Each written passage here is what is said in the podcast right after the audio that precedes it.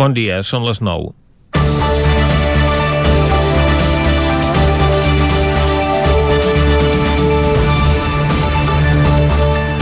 Aquesta mitjanit ha tornat a entrar en vigor el confinament comarcal decretat per Protecció Civil, ja que l'ocupació de llits crítics no para d'augmentar. Fins aquí, res que no ens vingui de nou. Estem exactament en la mateixa situació que després de les festes de Nadal.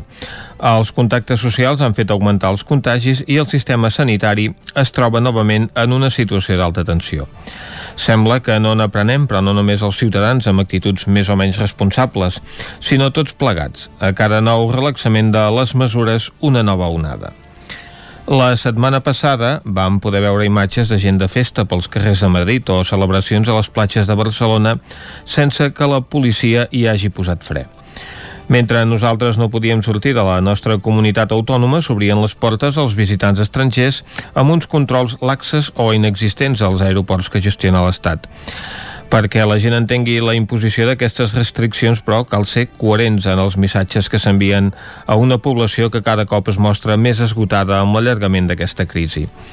No pot ser que primer es digui que calen almenys 48 hores per començar a extreure conclusions de les conseqüències de la Setmana Santa en la situació de la pandèmia i encara no han passat aquests dos dies que ja estan en vigor noves restriccions i es prenen de forma preventiva perquè l'actualització de les dades tarden a processar-se perquè a conseqüència de les festes també es retarden els diagnòstics.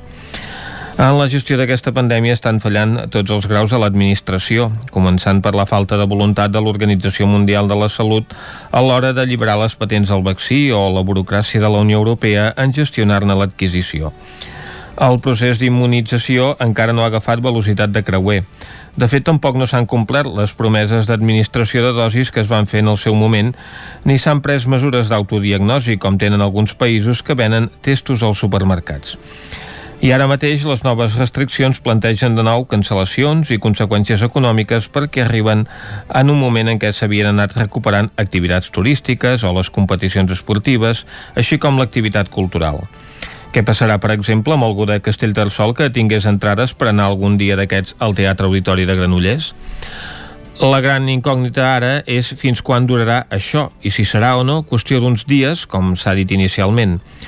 El conseller d'Interior deia que calen dos mesos per donar un tom a la situació, perquè per sobre de qualsevol decisió que es pugui prendre pesa la data del 9 de maig, quan s'acaba l'estat d'alarma, segons va anunciar el president del govern Pedro Sánchez, que venen eleccions a Madrid, capital de la disbauxa. Comencem Territori 17, a la sintonia del 9 FM, la veu de Sant Joan, Ona Codinenca, Ràdio Cardedeu i el 9 TV. Territori 17, amb Vicenç Vigues i Jordi Sunyer.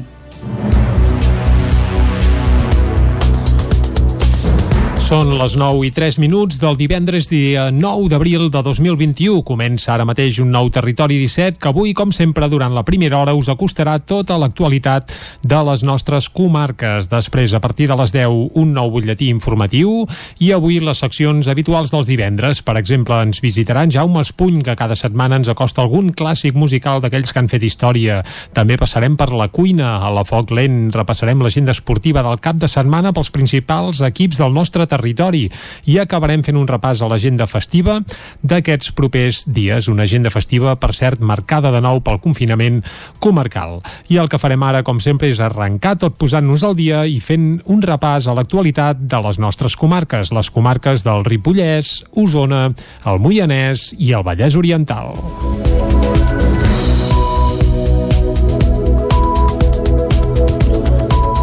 Des d'avui mateix ha tornat el confinament comarcal a Catalunya després de les dades negatives dels últims dies. Al Vallès Oriental, els hospitals augmenten en ingressos i defuncions. David Auladell, de Ràdio Televisió, Cardedeu. Des d'avui ni tan sols les bombolles de convivència poden saltar-se el confinament comarcal si no és estrictament necessari i justificat. La decisió de la Generalitat arriba després d'unes dades negatives a tot Catalunya pel que fa al risc de rebrot i augment de casos. L'Hospital de Sant Celoni ha sumat aquesta setmana dues noves defuncions i té sis ingressats amb Covid positius.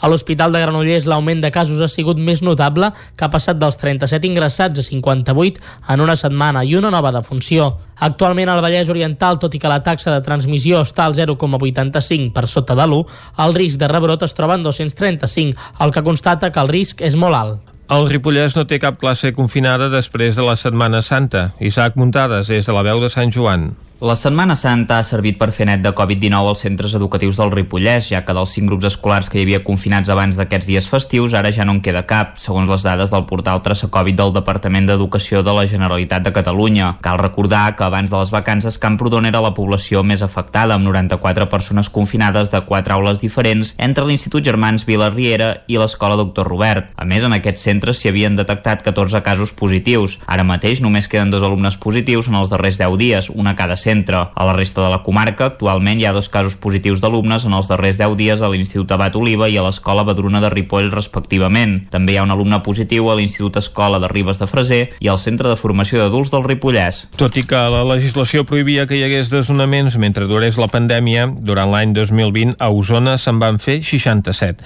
més d'un per setmana.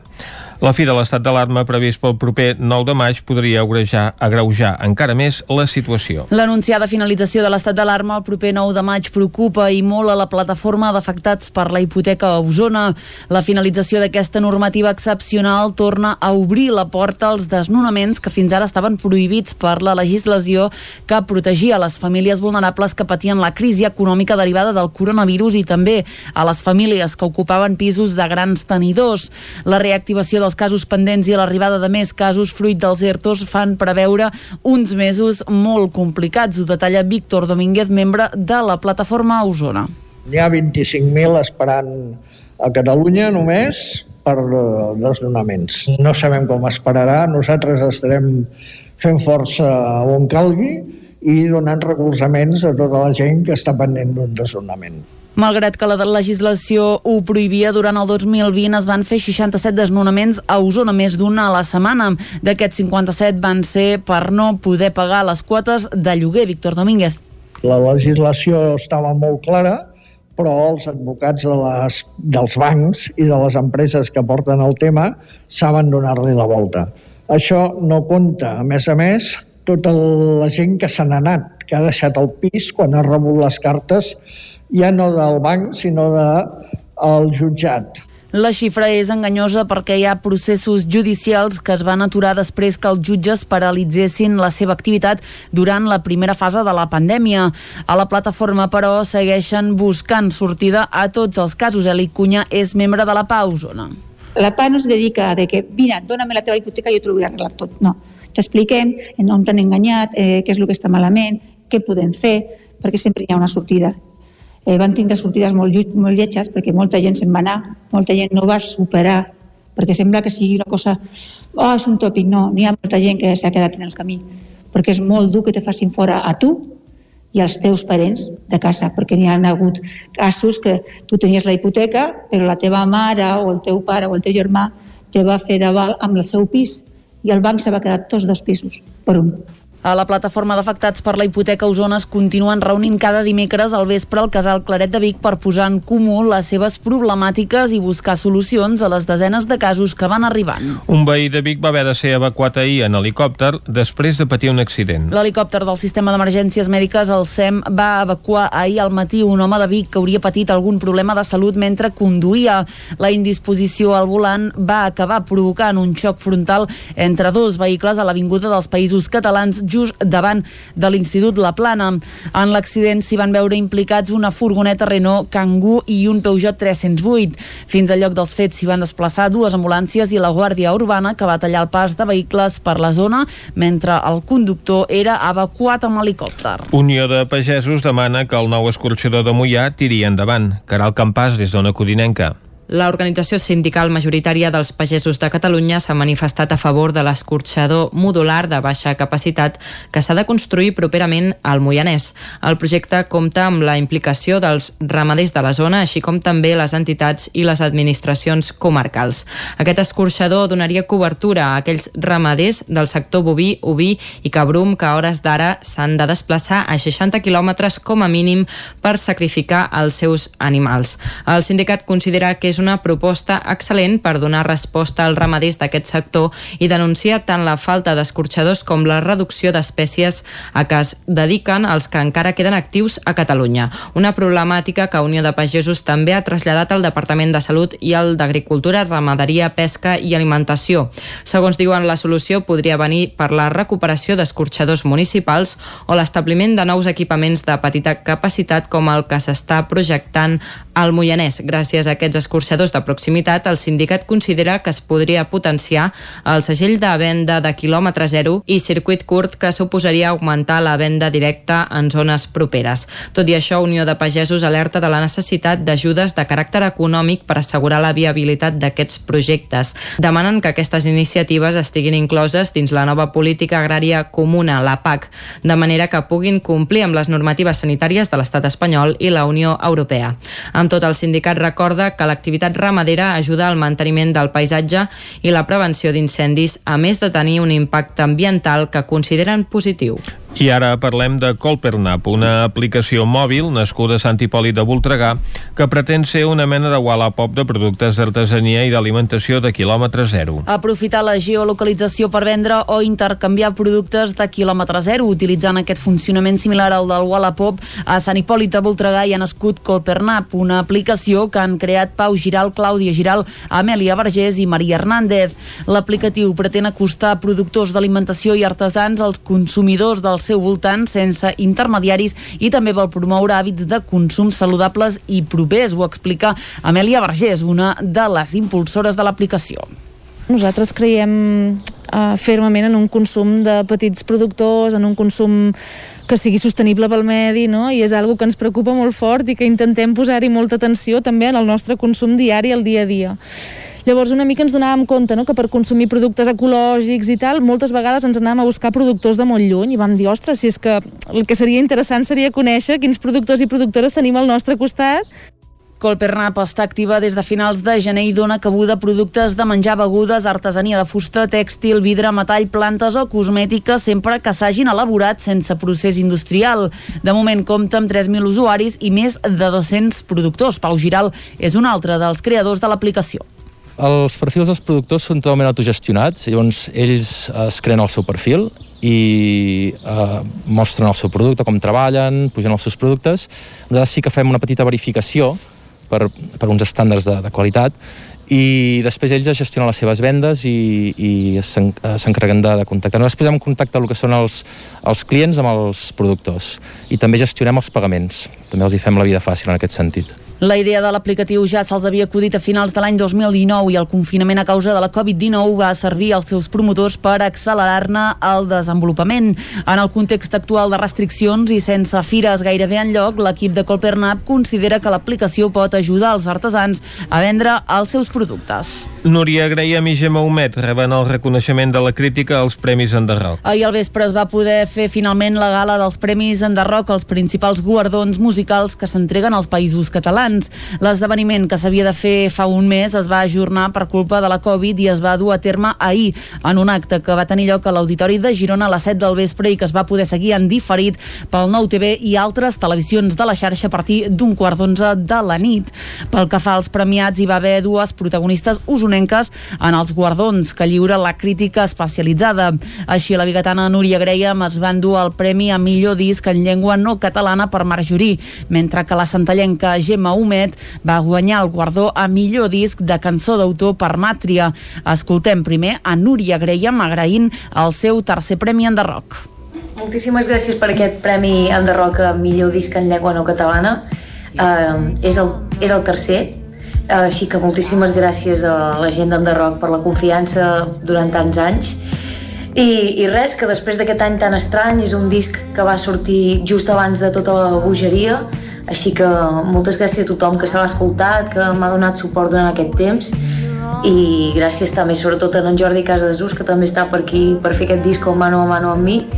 I a tothom que n'ha format part. I sobretot una abraçada molt grossa a tota la gent del món de la música, ja siguin músics, eh, programadors, tot el que sigui, tota la gent de la meva discogràfica, el segell, moltíssimes gràcies pel suport i, i espero que ens continuem veient tots i espero que ens veiem les cases ben aviat. Gemma Humet, en un discurs enregistrat, també va mostrar el seu agraïment.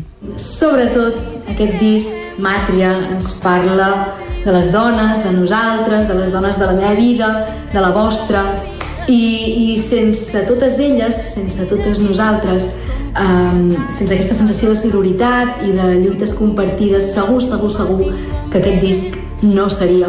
Així que moltíssimes gràcies. I visca la cultura que ens salva, que ens cura i que, que ens estrinxera. Gràcies. En l'apartat de votació popular també hi va haver premi per una banda del territori 17. Charango es va endur el guardó a millor disc de pop-rock de, per Beni Ales, el que serà el seu darrer treball d'estudi. També destaca el reconeixement al romancer Jaume Arnella, que va rebre el Premi Enderroc a la trajectòria juntament amb Biel Majoral i Vicent Torrent. Arnella ho va voler agrair cantant. Gràcies, Enderroc, pel premi per mi és molt especial. Si aquí m'en Vicent Torrent i amb en el Majoral. Durant la gala, entre d'altres, també hi van actuar els usonencs Oques Grasses, que van estrenar una peça del que serà el seu nou disc, i els manlleuencs Marcel i Júlia, que també van tocar una peça del seu nou treball, en òrbita. I fins aquí el butlletí informatiu que us hem ofert amb les veus de Vicenç Vigues, Clàudia Dinarès, David Auladell, Caral Campàs i Isaac Muntades. Ara el que toca és fer un cop d'ull al temps.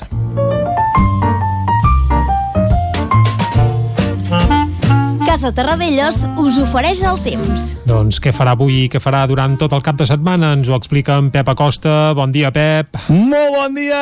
Ui, Benvinguts eufòric, a l'Espai eh? del Temps. Què tal Bon dia, esteu? bon- bé, bé, a les bé. portes d'un nou cap de setmana. Mm -hmm. Sembla que el temps s'anima. Per fi es va animant una mica aquest mes d'abril. Yep. Avui, canvi de peces novament. Fins avui teníem una entrada petita de vent de nord, que va ser bastant important a Europa, amb nevades a cotes baixes, una onada de, de fred, però això ja està desapareixent, hi ha un canvi de peces i tenim vents entre l'oest i el sud, que ens aportaran més núvols i temperatures més altes el dia d'avui. Aquesta nit pràcticament no ha deixat en lloc, molt poques glaçades, només amb molt alta muntanya. I ja hi ha núvols ara mateix, i es van nuvolant cada vegada més. Fins i tot ja plou a l'extrem sud de Catalunya. És una banda de precipitacions que anirà pujant de sud a nord i ens escombrarà a nosaltres, jo crec que vols del migdia. Entre la una i les dues començarà a ploure. Pluja feble. No es preveuen grans precipitacions, com a molt moderada. Uh, jo crec que les nostres comarques els llocs que més plouran entre 5 i 10 litres. La majoria seran 2-3 litres, eh? Molt poca cosa, però bueno, almenys aigua és aigua. Almenys eh, aquesta sequera que tenim una mica ens la traiem de sobre. Les temperatures eh, baixaran. Les temperatures avui seran més baixes que les d'ahir, ja que hem estat moltes, molta estona ennubulats estarem i amb pluja pocs valors superaran els 15-16 graus. La cota de neu estarà a uns 1.600-1.700 metres més o menys. La nevada serà testimonial, eh? eh? Com dic, poca precipitació, molt poca nevada. Això avui divendres. Ha quedat clar, eh? Cada vegada més núvols sí, sí, sí. i pluja a partir del migdia. Nevada a 1.600 metres, temperatures avall. Pluja, insisteixo, poc important. Demà dissabte, molts núvols i poca pluja. Uh, a l'haver una mica de sol fins i tot, uh, al migdia farà sol. Mm, A primera hores del matí que ha quedat núvols d'aquest front que ens passa avui, però al migdia quedarà força, força eh, assolellat el temps i això farà que les temperatures pugin. Les màximes demà sí que voltaran 20-21 graus. Les mínimes baixaran entre els 5 i els 10 a la majoria de les poblacions. Demà serà un dia així, eh, sol, núvol i cada vegada més ennuvolat cap a la zona del Pirineu. Però sembla que sense precipitacions demà, com a molt, quatre volves de neu cap a la zona de Ter, de cara ja a la tarda vespre. Però demà serà el dia mm, més, més tranquil del cap de setmana. Per què? Perquè diumenge se'ns acosta un altre front. Però aquest no serà eh, tant de l'oest al sud com el d'avui. No seran les pluges de sud a nord. Diumenge ens afectarà més de nord aquest, aquest front i això provocarà una baixada de les temperatures quan passi, quan ens escombri. Uh, el de diumenge serà molt semblant al d'avui, el temps. Mm -hmm. Molt semblant. Al matí encara clarianes, núvols, i a partir de les 3-4 de la tarda començarà a precipitar. Les precipitacions de diumenge sí que poden ser més importants i generoses i extenses sobretot a la zona del Pirineu. Allà al Pirineu, atenció, que a més la nevada pot ser important de les més importants d'aquest 2021. Vaja. Mm, Per tant, nevarà bastant. Uh -huh. Jo crec que per sobre dels 2.000 metres pot nevar entre 20 i 25 centímetres. Canviarà la cara al Pirineu per uns quants dies, ja que després a la que marxi el front i surti el sol, lògicament, en pocs dies fondrà aquesta neu, mm, que ja és la, de les últimes de la temporada. A partir dels 2.000 metres ja nevarà poc. A partir d'ara, moltes gràcies i fins dilluns. Vinga, Adéu. gràcies a tu, Pep. Ja veiem que avui estàs més animat eh, amb aquest canvi que ens augures de cara tant avui com al cap de setmana. El que farem ara, doncs, és anar, com sempre fem, cap al quiosc. Casa Tarradellas us ha ofert aquest espai. Territori 17. Envia'ns les teves notes de veu per WhatsApp al 646 079 023. 646 079 023. WhatsApp Territori 17.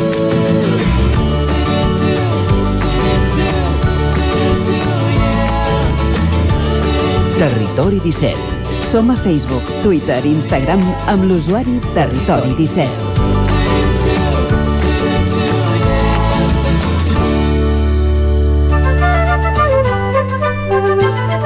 És hora ara de fer un recull del que treuen en portada als diaris. Comencem, Clàudia, amb el 9-9. Bon dia de nou, doncs sí, comencem avui amb l'edició del Vallès Oriental que diu l'Hospital de Granollers passa de 37 a 58 ingressats per Covid en una setmana. Torna el confinament comarcal amb 20 ballesans a les cures intensives de Granollers i també de Mollet. A la imatge menys desnonaments, però més neguit el nombre de desnonaments al Vallès Oriental cau de 256 al 2020, la meitat que l'any anterior, però la PA alerta de la llau de casos que vindran quan acabi l'estat d'alarma per la Covid. Més titulars reclamen una consulta sobre el pàrquing a la pista esportiva de Campins i tota l'oposició de Caldes en contra de l'aparcament a Can Rius. Anem a l'edició d'Osona i el Ripollès, que diu querella pionera contra Endesa per la mort d'aus en torres elèctriques d'Osona. Un jutjat de Vic ha admès a tràmit la denúncia contra sis alcàrrecs de l'empresa. Més titulars, la meitat dels grups escolars confinats a la Catalunya central des de l'inici de curs són d'Osona. Tornen a prohibir la mobilitat fora de la comarca després d'una Setmana Santa d'accessos i alerta perquè el 9-9 impulsa una escola de periodisme per joves durant l'estiu. Repassem ara les portades dels diaris catalans. Anem al punt avui que diu 200.000 catalans pendents de la segona dosi. Incertesa pels menors de 60 anys que tenen la primera dosi d'AstraZeneca.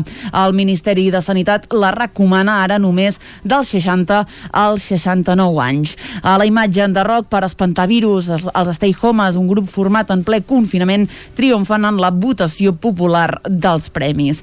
A l'ara desgavell europeu amb les vacunes, la crisi d'AstraZeneca aguditza la disparitat de criteris i Alemanya comprarà Sputnik pel seu compte. A la imatge hi veiem una d'aquestes vacunes, diu més risc de tromposi als anticonceptius que als vaccins. I els condemnats pel Blanquerna tornen a esquivar la presó. Anem al periòdico que diu Barcelona prepara una taxa al repartiment de compres online. La vacuna d'AstraZeneca es posarà a les persones de 60 a 69 anys i Ayuso a Madrid guanyaria amb comoditat, però l'esquerra recuperaria força. Anem a l'avantguàrdia que diu Espanya limitarà la vacuna d'AstraZeneca a persones d'entre 60 i 69 anys.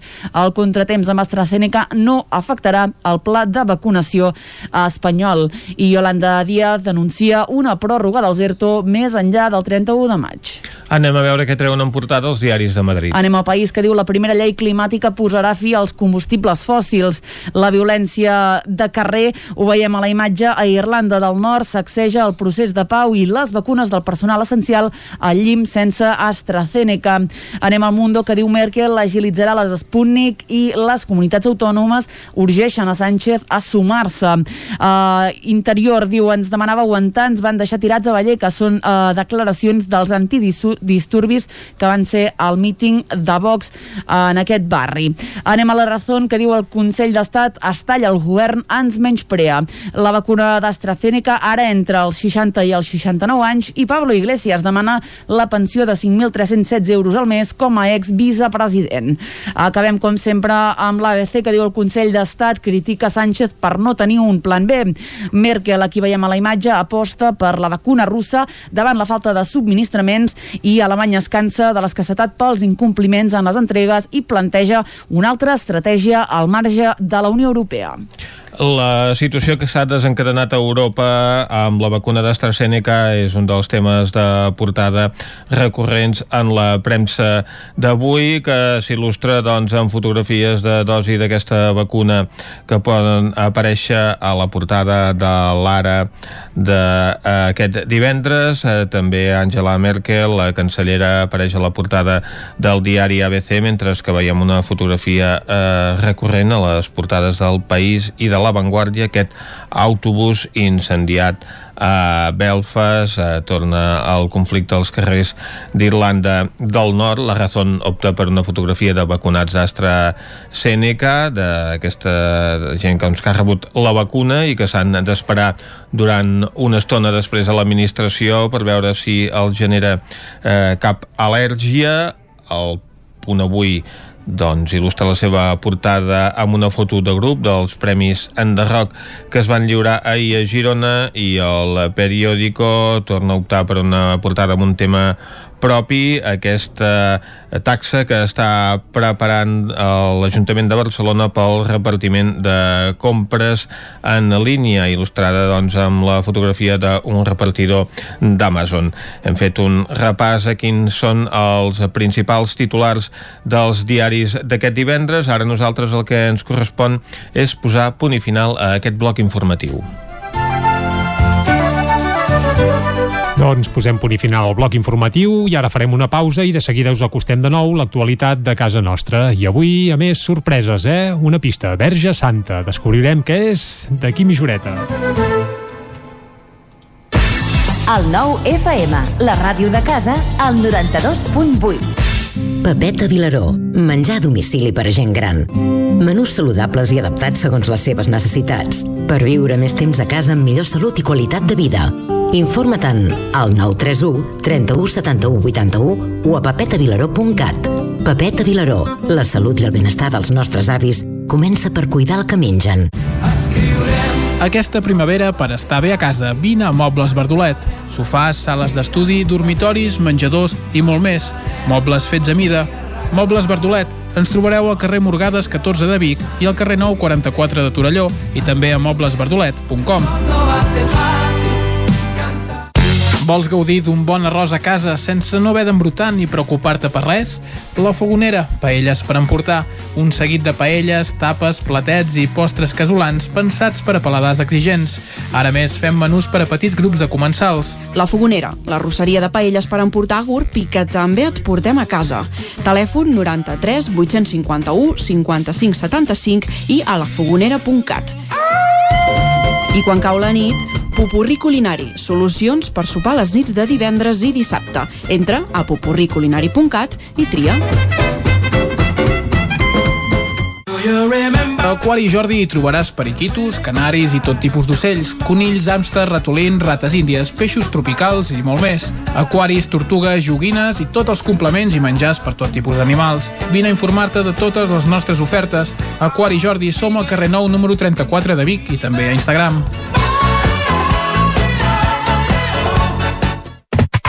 Pintures Xevi Soler. Tot en pintures. Façanes, obra nova, rehabilitacions interiors de vivenda, estucs, microciments, pintura industrial, motllures, terres vinílics. Pintures Xevi Soler. Ens agrada assessorar-vos i fer de casa vostra el millor lloc del món. Ens trobareu a Manlleu, al carrer Sogorb 113, telèfon 616 1587 33 o 93 851 3504.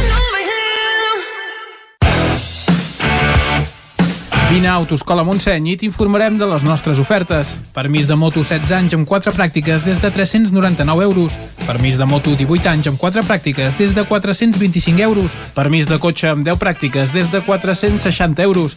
I si vens amb un amic, et regalem una pràctica. Per més informació, Autoscola Montseny, a la Rambla de Vallades 13, primer segona de Vic, al telèfon 93 885 45 88 i també a Facebook i Instagram. La ràdio de casa al 92.8. El 9 FM.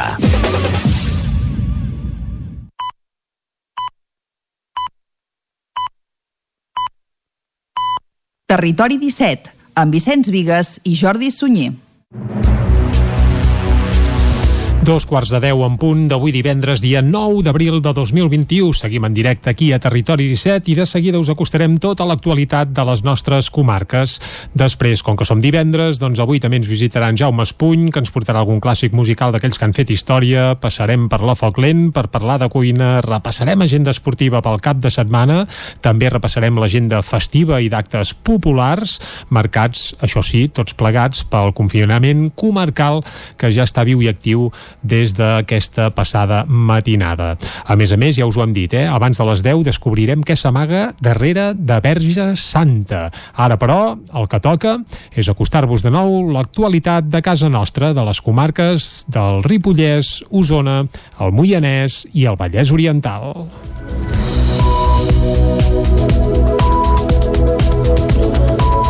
Des d'avui mateix ha tornat el confinament comarcal a Catalunya després de les dades negatives dels últims dies. Al Vallès Oriental, els hospitals augmenten en ingressos i defuncions. David Auladell, de Ràdio Televisió, Cardedeu. Des d'avui ni tan sols les bombolles de convivència poden saltar-se el confinament comarcal si no és estrictament necessari i justificat. La decisió de la Generalitat arriba després d'unes dades negatives a tot Catalunya pel que fa al risc de rebrot i augment de casos. L'Hospital de Sant Celoni ha sumat aquesta setmana dues noves defuncions i té sis ingressats amb Covid positius.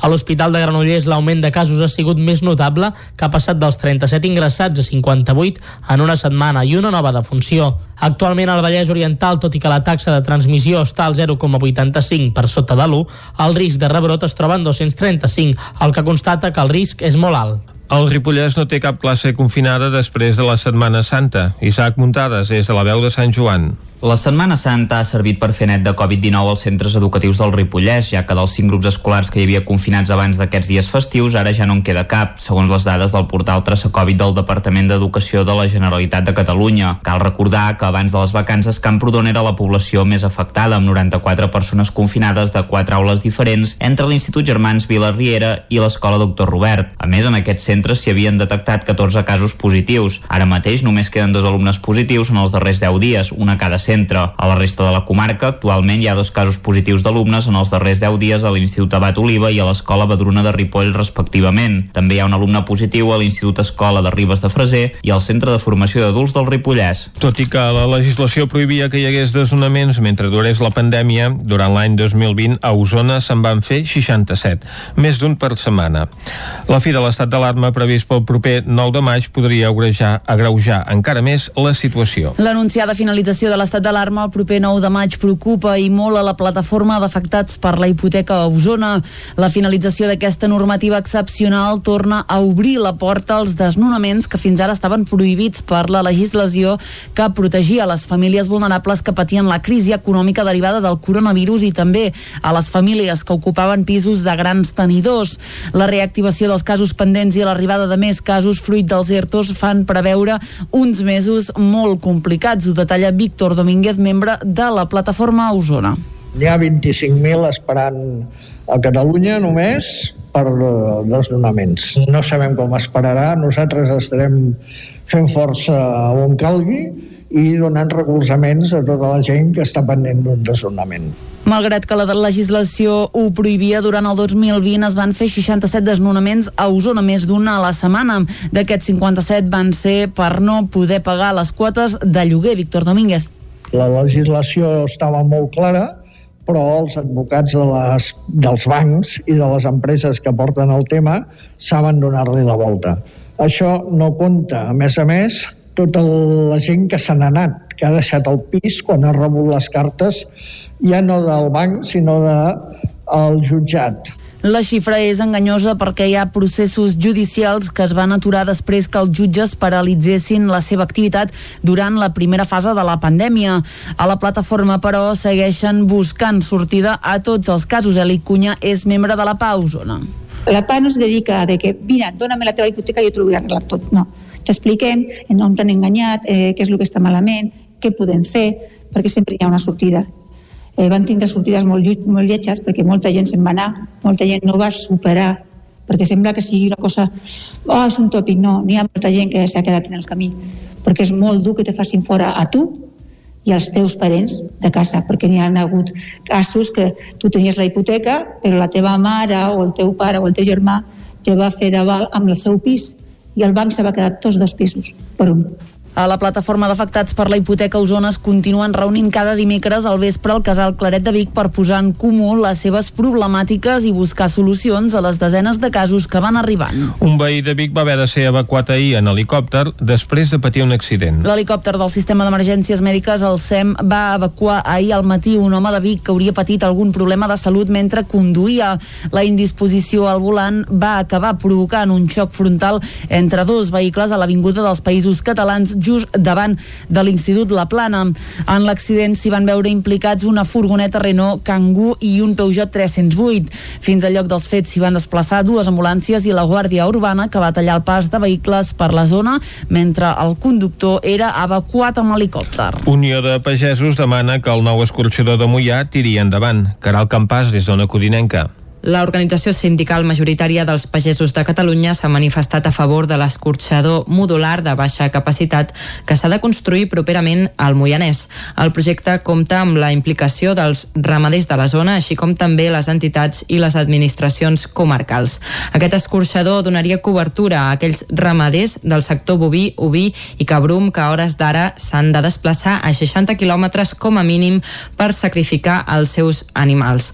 El sindicat considera que és una proposta excel·lent per donar resposta als ramaders d'aquest sector i denuncia tant la falta d'escorxadors com la reducció d'espècies a què es dediquen els que encara queden actius a Catalunya. Una problemàtica que Unió de Pagesos també ha traslladat al Departament de Salut i al d'Agricultura, Ramaderia, Pesca i Alimentació. Segons diuen, la solució podria venir per la recuperació d'escorxadors municipals o l'establiment de nous equipaments de petita capacitat com el que s'està projectant al Moianès. Gràcies a aquests escorxadors escorxadors de proximitat, el sindicat considera que es podria potenciar el segell de venda de quilòmetre zero i circuit curt que suposaria augmentar la venda directa en zones properes. Tot i això, Unió de Pagesos alerta de la necessitat d'ajudes de caràcter econòmic per assegurar la viabilitat d'aquests projectes. Demanen que aquestes iniciatives estiguin incloses dins la nova política agrària comuna, la PAC, de manera que puguin complir amb les normatives sanitàries de l'estat espanyol i la Unió Europea. Amb tot, el sindicat recorda que l'activitat l'activitat ramadera ajuda al manteniment del paisatge i la prevenció d'incendis, a més de tenir un impacte ambiental que consideren positiu. I ara parlem de Colpernap, una aplicació mòbil nascuda a Sant Hipòlit de Voltregà que pretén ser una mena de Wallapop de productes d'artesania i d'alimentació de quilòmetre zero. Aprofitar la geolocalització per vendre o intercanviar productes de quilòmetre zero utilitzant aquest funcionament similar al del Wallapop a Sant Hipòlit de Voltregà i ha nascut Colpernap, una aplicació que han creat Pau Giral, Clàudia Giral, Amèlia Vergés i Maria Hernández. L'aplicatiu pretén acostar productors d'alimentació i artesans als consumidors del seu voltant sense intermediaris i també vol promoure hàbits de consum saludables i propers, ho explica Amèlia Vergés, una de les impulsores de l'aplicació. Nosaltres creiem uh, fermament en un consum de petits productors, en un consum que sigui sostenible pel medi, no? i és algo que ens preocupa molt fort i que intentem posar-hi molta atenció també en el nostre consum diari, al dia a dia. Llavors una mica ens donàvem compte no? que per consumir productes ecològics i tal, moltes vegades ens anàvem a buscar productors de molt lluny i vam dir, ostres, si és que el que seria interessant seria conèixer quins productors i productores tenim al nostre costat Colpernap està activa des de finals de gener i dona cabuda productes de menjar, begudes, artesania de fusta, tèxtil, vidre, metall, plantes o cosmètica, sempre que s'hagin elaborat sense procés industrial. De moment compta amb 3.000 usuaris i més de 200 productors. Pau Giral és un altre dels creadors de l'aplicació. Els perfils dels productors són totalment autogestionats, llavors ells es creen el seu perfil i eh, mostren el seu producte, com treballen, pugen els seus productes. Nosaltres sí que fem una petita verificació per, per uns estàndards de, de qualitat i després ells gestionen les seves vendes i, i s'encarreguen de, de contactar. Nosaltres posem en contacte el que són els, els clients amb els productors i també gestionem els pagaments. També els hi fem la vida fàcil en aquest sentit. La idea de l'aplicatiu ja se'ls havia acudit a finals de l'any 2019 i el confinament a causa de la Covid-19 va servir als seus promotors per accelerar-ne el desenvolupament.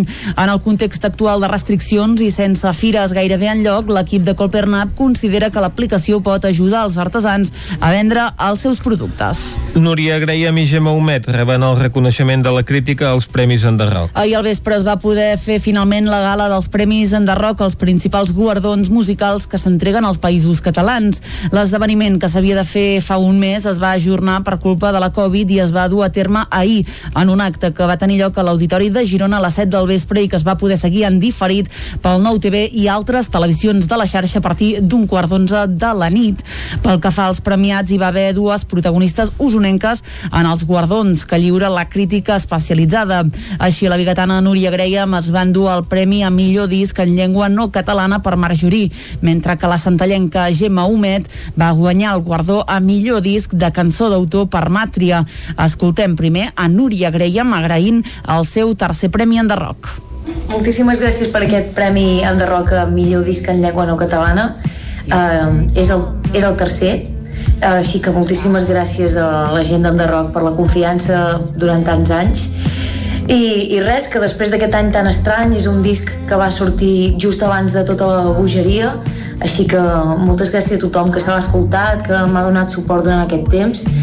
I gràcies també sobretot a en Jordi Casadesús que també està per aquí per fer aquest disc mano a mano amb mi i a tothom que n'ha format part i sobretot una abraçada molt grossa a tota la gent del món de la música, ja siguin músics, eh, programadors, tot el que sigui, tota la gent de la meva discogràfica, el segell, moltíssimes gràcies pel suport i, i espero que ens continuem veient tots i espero que ens veiem a les cases ben aviat. Gemma Humet en un discurs enregistrat també va mostrar el seu agraïment. Sobretot aquest disc, Màtria, ens parla de les dones, de nosaltres, de les dones de la meva vida, de la vostra, i, i sense totes elles, sense totes nosaltres, um, sense aquesta sensació de sororitat i de lluites compartides, segur, segur, segur que aquest disc no seria. Així que moltíssimes gràcies i visca la cultura que ens salva, que ens cura i que, que ens estrinxera. Gràcies. En l'apartat de votació popular també hi va haver premi per una banda del territori 17. Charango es va endur el guardó a millor disc de pop-rock de, per Beni Ales, el que serà el seu darrer treball d'estudi. També destaca el reconeixement al romancer Jaume Arnella, que va rebre el Premi Enderroc a la trajectòria juntament amb Biel Majoral i Vicent Torrent. Arnella ho va voler agrair cantant. Gràcies, Enderroc, pel premi. Per mi és molt especial. Si aquí amb Vicent Torrent i amb en Biel Majoral. Durant la gala, entre d'altres, també hi van actuar els usonencs Oques Grasses, que van estrenar una peça del que serà el seu nou disc, i els manlleuencs Marcel i Júlia, que també van tocar una peça del seu nou treball, en òrbita. I fins aquí el butlletí informatiu que us hem ofert amb les veus de Vicenç Vigues, Clàudia Dinarès, David Auladell, Caral Campàs i Isaac Muntades. Ara el que toca és fer un cop d'ull al temps.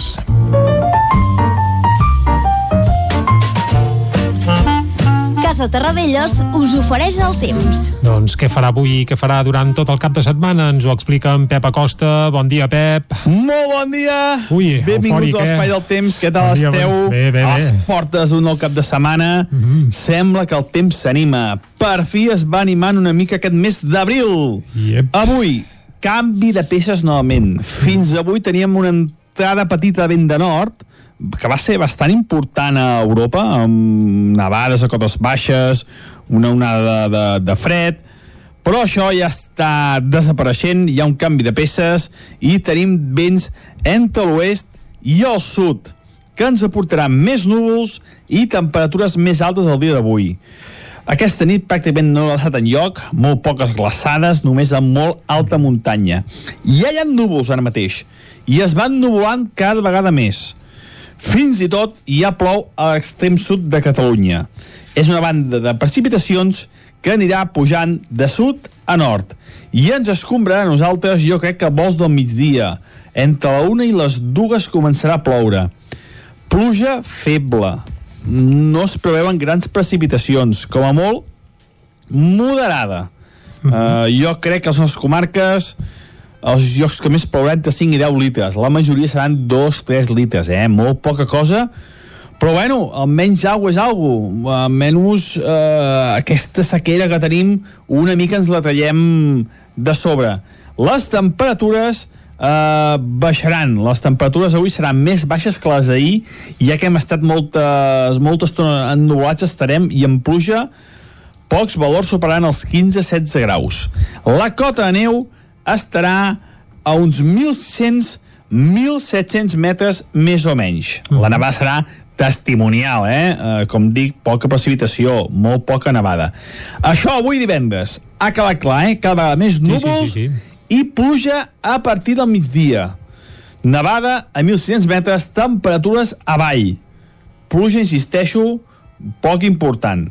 Demà dissabte, molts núvols i poca pluja. Uh, a l'haver una mica de sol fins i tot uh, al migdia farà sol. Mm, a primera hores del matí que ha quedat núvols d'aquest front que ens passa avui.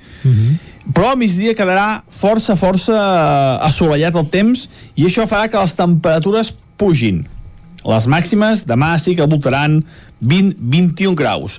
Les mínimes baixaran entre els 5 i els 10 a la majoria de les poblacions demà serà un dia així eh, sol, núvol i cada vegada més ennuvolat cap a la zona del Pirineu però sembla que sense precipitacions demà com a molt quatre volves de neu cap a la zona de Ter de cara ja a la tarda vespre però demà serà el dia mm, més, més tranquil del cap de setmana. Per què? Perquè diumenge se'ns acosta un altre front. Però aquest no serà eh, tant de l'oest o sud com el d'avui. No seran les pluges de sud a nord. Diumenge ens afectarà més de nord aquest, aquest front. I això provocarà una baixada de les temperatures quan passi, quan ens escombri. Uh, el de diumenge serà molt semblant al d'avui, el temps. Molt semblant. Al matí encara clarianes, núvols, i a partir de les 3-4 de la tarda començarà a precipitar.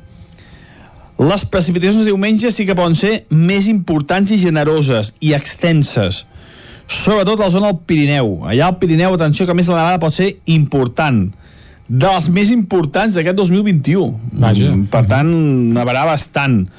Jo crec que per sobre dels 1.000 metres pot nevar entre 20 i 25 centímetres. Canviarà la cara al Pirineu per uns quants dies, ja que després, a la que marxi el front i surti el sol, lògicament, en pocs dies fondrà aquesta neu, que ja és la, de les últimes de la temporada. A partir dels 1.000 metres ja nevarà poc. A partir d'ara, moltes gràcies i fins dilluns. Vinga, Adéu. gràcies a tu, Pep. Ja veiem que avui estàs més animat, eh, amb aquest canvi que ens augures de cara tant avui com al cap de setmana. El que farem ara, doncs, és anar, com sempre fem, cap al quiosc. Casa Tarradellas us ha ofert aquest espai. Territori 17. Envia'ns les teves notes de veu per WhatsApp al 646 079 023. 646 079 023. WhatsApp Territori 17.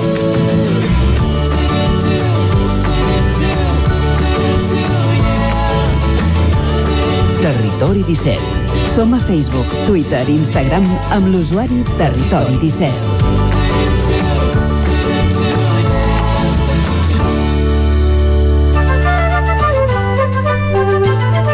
És hora ara de fer un recull del que treuen en portada als diaris. Comencem, Clàudia, amb el 9-9. Bon dia de nou, doncs sí, comencem avui amb l'edició del Vallès Oriental que diu l'Hospital de Granollers passa de 37 a 58 ingressats per Covid en una setmana. Torna el confinament comarcal amb 20 ballesans a les cures intensives de Granollers i també de Mollet. A la imatge menys desnonaments, però més neguit. El nombre de desnonaments al Vallès Oriental cau de 256 al 2020, la meitat que l'any anterior, però la PA alerta de la llau de casos que vindran quan acabi l'estat d'alarma per la Covid. Més titulars reclamen una consulta sobre el pàrquing a la pista esportiva de Campins i tota l'oposició de Caldes en contra de l'aparcament a Can Rius. Anem a l'edició d'Osona i el Ripollès que diu querella pionera contra Endesa per la mort d'aus en torres elèctriques d'Osona. Un jutjat de Vic admès a tràmit la denúncia contra sis alcàrrecs de l'empresa. Més titulars, la meitat dels grups escolars confinats a la Catalunya central des de l'inici de curs són d'Osona. Tornen a prohibir la mobilitat fora de la comarca després d'una setmana santa d'accessos i alerta perquè el 9-9 impulsa una escola de periodisme per joves durant l'estiu. Repassem ara les portades dels diaris catalans. Anem al punt avui que diu 200.000 catalans pendents de la segona dosi. Incertesa pels menors de 60 anys que tenen la primera dosi d'AstraZeneca. El Ministeri de Sanitat la recomana ara només dels 60 als 69 anys. A la imatge en derroc per espantar virus, els, els Stay Homes, un grup format en ple confinament, triomfen en la votació popular dels premis. A l'ara desgavell europeu amb les vacunes, la crisi d'AstraZeneca aguditza la disparitat de criteris i Alemanya comprarà Sputnik pel seu compte. A la imatge hi veiem una d'aquestes vacunes, diu més risc de tromposi als anticonceptius que als vaccins. I els condemnats pel Blanquerna tornen a esquivar la presó. Anem al periòdico que diu Barcelona prepara una taxa al repartiment de compres online. La vacuna d'AstraZeneca es posarà a les persones de 60 a 69 anys i Ayuso a Madrid guanyaria amb comoditat però l'esquerra recuperaria força. Anem a l'avantguàrdia que diu Espanya limitarà la vacuna d'AstraZeneca a persones d'entre 60 i 69 anys. El contratemps amb AstraZeneca no afectarà el pla de vacunació espanyol. I Yolanda Díaz denuncia una pròrroga dels ERTO més enllà del 31 de maig. Anem a veure què treuen en portada els diaris de Madrid. Anem al país que diu la primera llei climàtica posarà fi als combustibles fòssils. La violència de carrer, ho veiem a la imatge, a Irlanda del Nord sacseja el procés de pau i les vacunes del personal essencial al llim sense AstraZeneca. Anem al Mundo que diu Merkel agilitzarà les Sputnik i les comunitats autònomes urgeixen a Sánchez a sumar-se. Uh, interior diu ens demanava aguantar, ens van deixar tirats a Valle, que són uh, declaracions dels antidisturbis que van ser al míting de Vox uh, en aquest barri. Anem a la raó que diu el Consell d'Estat es talla el govern, ens menysprea. La vacuna d'AstraZeneca ara entre els 60 i els 69 anys i Pablo Iglesias demana la pensió de 5.316 euros al mes com a ex-vicepresident. Acabem, com sempre, amb l'ABC que diu el Consell d'Estat critica Sánchez per no tenir un plan B. Merkel, aquí veiem a la imatge, aposta per la vacuna russa davant la falta de subministraments i Alemanya es cansa de l'escassetat pels incompliments en les entregues i planteja una altra estratègia al marge de la Unió Europea. La situació que s'ha desencadenat a Europa amb la vacuna d'AstraZeneca és un dels temes de portada recurrents en la premsa d'avui que s'il·lustra doncs, amb fotografies de dosi d'aquesta vacuna que poden aparèixer a la portada de l'Ara d'aquest divendres. Eh, també Angela Merkel, la cancellera, apareix a la portada del diari ABC, mentre que veiem una fotografia eh, recurrent a les portades del País i de l'Avantguàrdia, aquest autobús incendiat a Belfast, eh, torna el conflicte als carrers d'Irlanda del Nord. La Razón opta per una fotografia de vacunats d'AstraZeneca, d'aquesta gent que, doncs, que ha rebut la vacuna i que s'han d'esperar durant una estona després a l'administració per veure si el genera eh, cap al·lèrgia.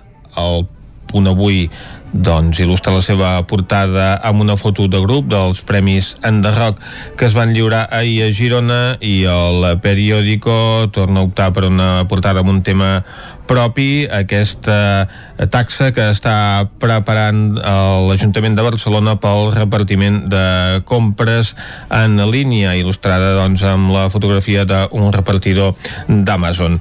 Hem fet un repàs a quins són els principals titulars dels diaris d'aquest divendres. Ara nosaltres el que ens correspon és posar punt i final a aquest bloc informatiu.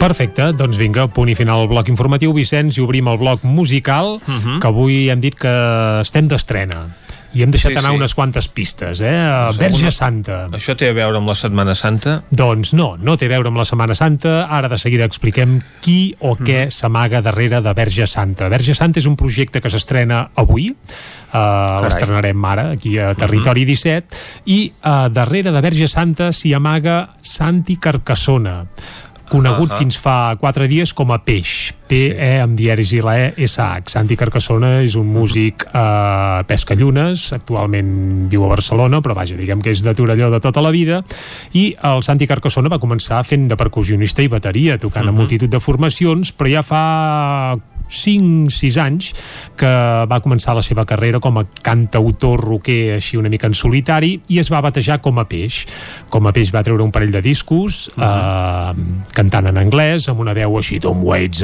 arrovellada que és molt genuïna i per cert eh, la veritat és que ho fa molt i molt bé però eh, bé, a finals de l'any passat va enterrar, va decidir enterrar aquest projecte de peix una mica cansat de, bé, d'esmerçar-hi molts esforços i també molts cèntims, per què no dir-ho, uh mhm. -huh. i no acabar de veure's eh, recompensat en aquest sentit, segons bé, això, segons la seva òptica.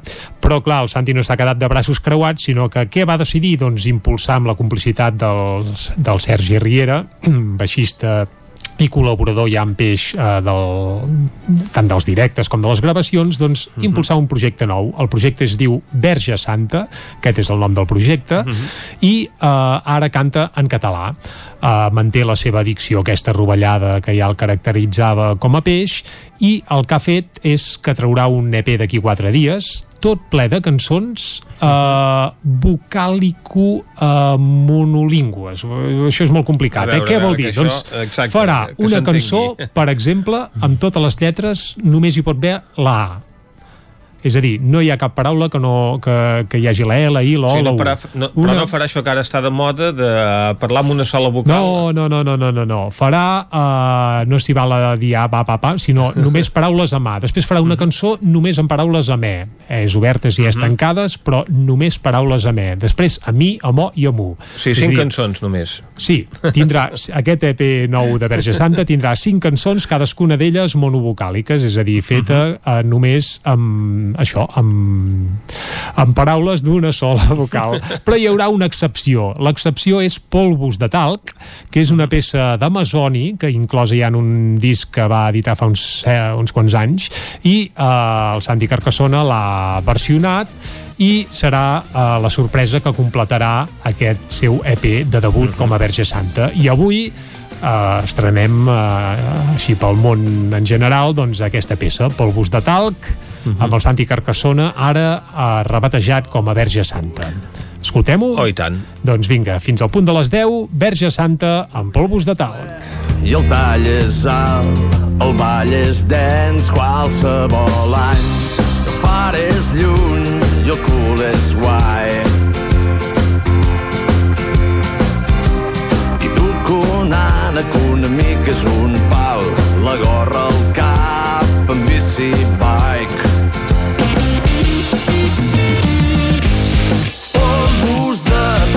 per parlar i si és fàcil la migdia d'un camp de naps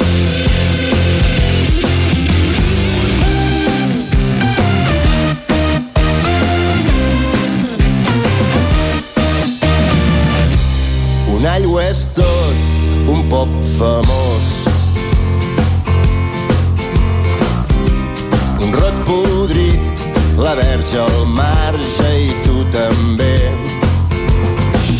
Aquest camió és un truc La sort de mena, un cuiner és un cuc, el tap de l'aixeta, nois que fan soroll, agafar el grip on néixer el porn.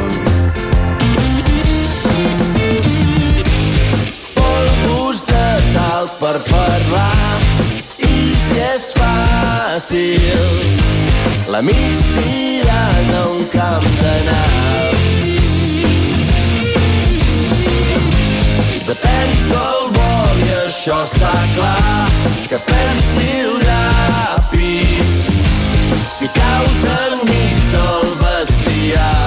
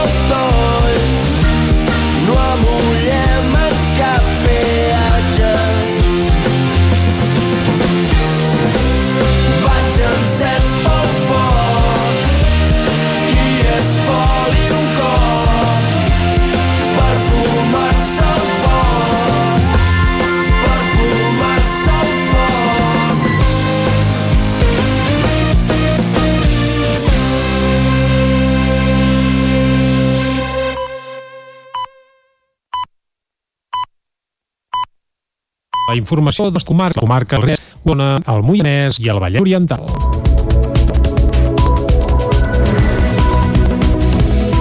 Una dotzena d'entitats creen la taula de l'aigua de Granollers per demà l'Ajuntament a municipalitzar el servei. Les entitats volen que el Consell assumeixi directament la gestió de l'aigua quan avi la explicació de 50 d'aquests mesos. David Oll, de Televisió, Cardedeu. D'entitats de Granollers s'ha negat a dimarts a la tarda per presentar públicament l'anomenada taula d'aigua. Es tracta d'una plataforma nascuda per pressionar perquè el subministrament d'aquest bé passi a municipals, aprofitant que el pròxim mes d'octubre s'acabarà la concessió de 50 anys i havia que l'empresa Sorea. La plataforma recorda que diversos ajuntaments de la comarca i del país ja han fet el pas o estan en ple procés i demanen a Granollers que segueixi el mateix camí, no obrint un nou procés de concessió. Creuen que la gestió pública ve la millor. El portaveu de la plataforma, Marc Plana, ha destacat que estan convençuts que la gestió pública i directa del cicle de l'aigua és la millor manera per garantir que hi té accés complet, que es treballi per minimitzar l'impacte ambiental, que la gestió es faci de forma transparent i que el lucre en passi per sobre la. La taula de l'aigua ha aprofitat per demanar iniciar l'estudi que una consultora ha fet per encàrrec de l'Ajuntament per valorar la concessió vigent. L'Ajuntament de Sant Joan de les Abadeses adquireix un vehicle elèctric per fer tasques de neteja i manteniment.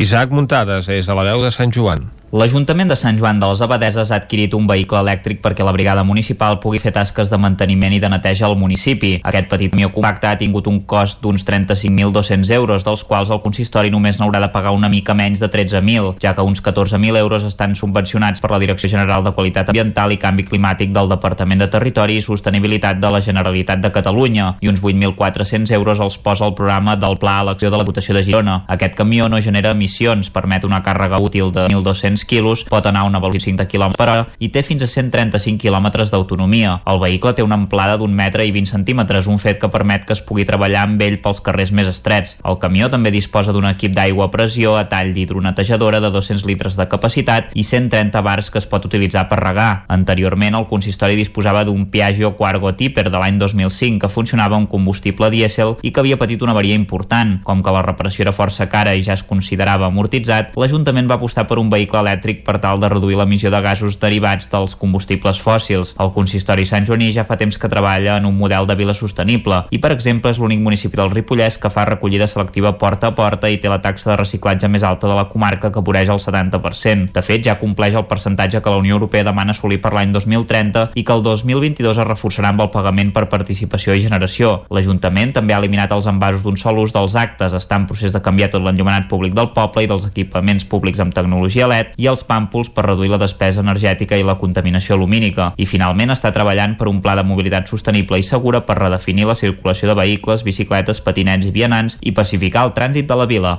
Vigues i Riells torna a posar en marxa el Consell Veïnal. Caral Campàs, des d'Ona Codinenca. Des del 2019 que no es feia cap reunió del Consell Veïnal, però aquest cap de setmana s'han reprès les trobades d'aquest espai de participació de manera telemàtica. Abans de la irrupció de la pandèmia, l'Ajuntament de Vigues va començar a treballar en la revisió del projecte per tal de donar-li un nou enfoc. Finalment s'ha decidit tornar-lo a engegar amb l'objectiu de fer-lo més participatiu i dinàmic i que les entitats hi tinguin més protagonisme. També es vol que les propostes puguin arribar a tenir una aplicació real. En parlava en aquest sentit Margarida Fontcoberta, regidora de Participació Ciutadana. El que volen aportar és fer polítiques més útils i més realistes, polítiques públiques més útils i realistes. Uh, I això des d'una doble perspectiva. No? D'un costat, doncs, uh, recollir aquestes inquietuds, aquestes uh, observacions que fan els veïns i veïnes, els representants d'entitats veïnals, perquè, no? perquè són ells els que són coneixedors també de, de primera mà del territori on, on viuen, no? dels seus carrers, barris, urbanitzacions, eh, i alhora també doncs, eh, des de l'Ajuntament també poder consultar algunes temàtiques, alguns temes que, que vulguem eh, doncs, traslladar-los per tenir també doncs, a, a, a la seva perspectiva, el seu punt de vista. No? El Consell es va reunir aquest dissabte i durant la reunió es va fer una diagnosi de com funcionava el Consell Veïnal i es van explicar quins són els objectius del grup. En total hi van participar una vintena de veïns. A través de diverses dinàmiques es va treballar i decidir per consens quins eren els temes que més els preocupaven. Els més destacats van ser les ocupacions il·legals, la manca d'asfaltats, la inseguretat viària, el servei de recollida d'escombraries i la convivència veïnal. No, la idea és que a posterior eh, treballem aquests cinc temes d'una manera més aprofundida amb el, amb el suport de persones externes que puguin també doncs, aportar informació i treballar d'aquesta manera d'una manera més participativa i alhora doncs, eh, des d'una perspectiva més, més global i més de consens. La pròxima reunió serà el dia 8 de maig on es treballaran les propostes dels veïns.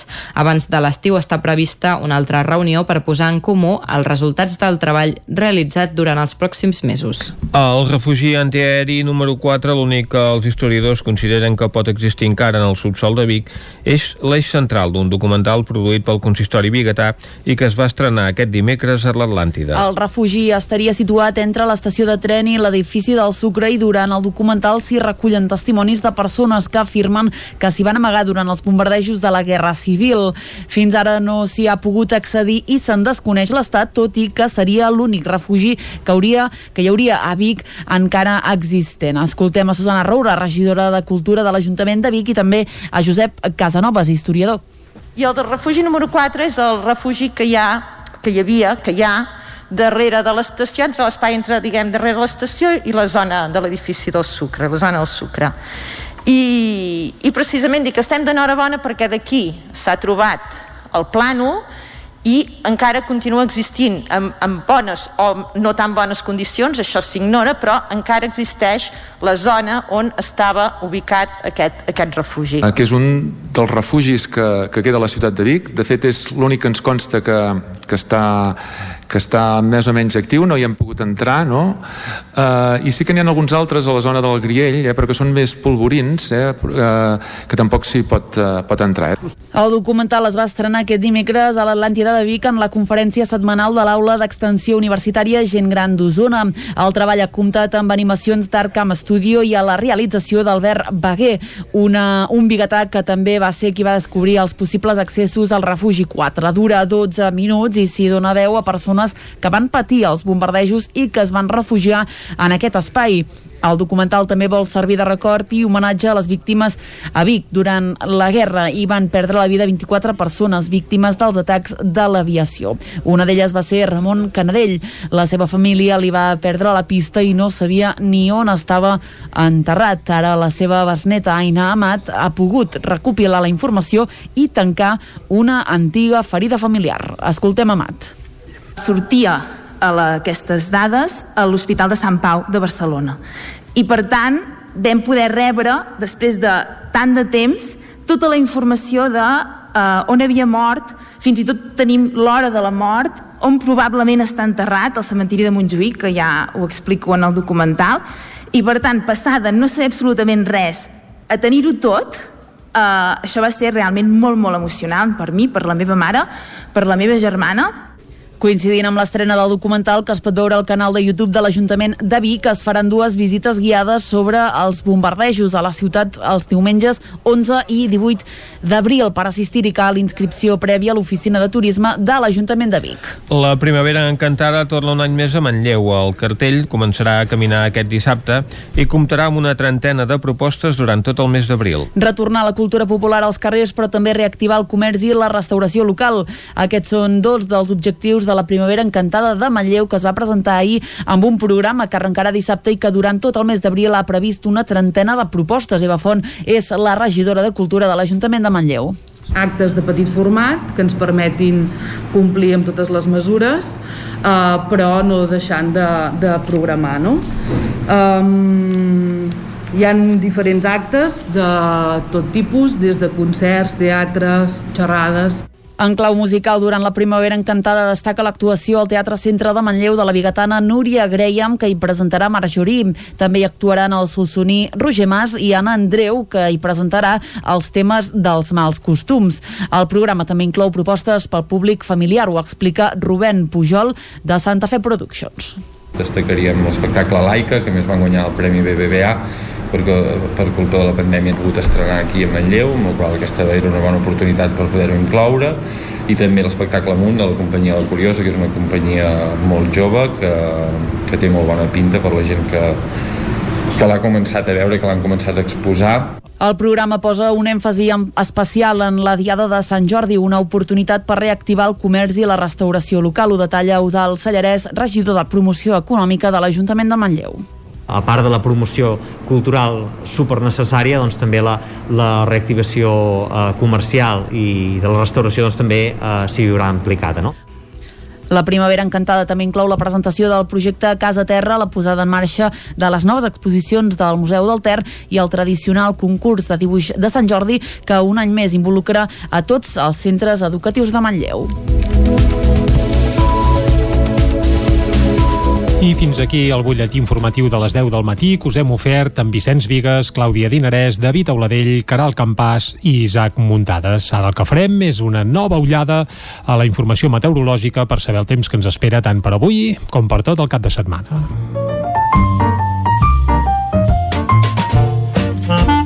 Casa Terradellos us ofereix el temps.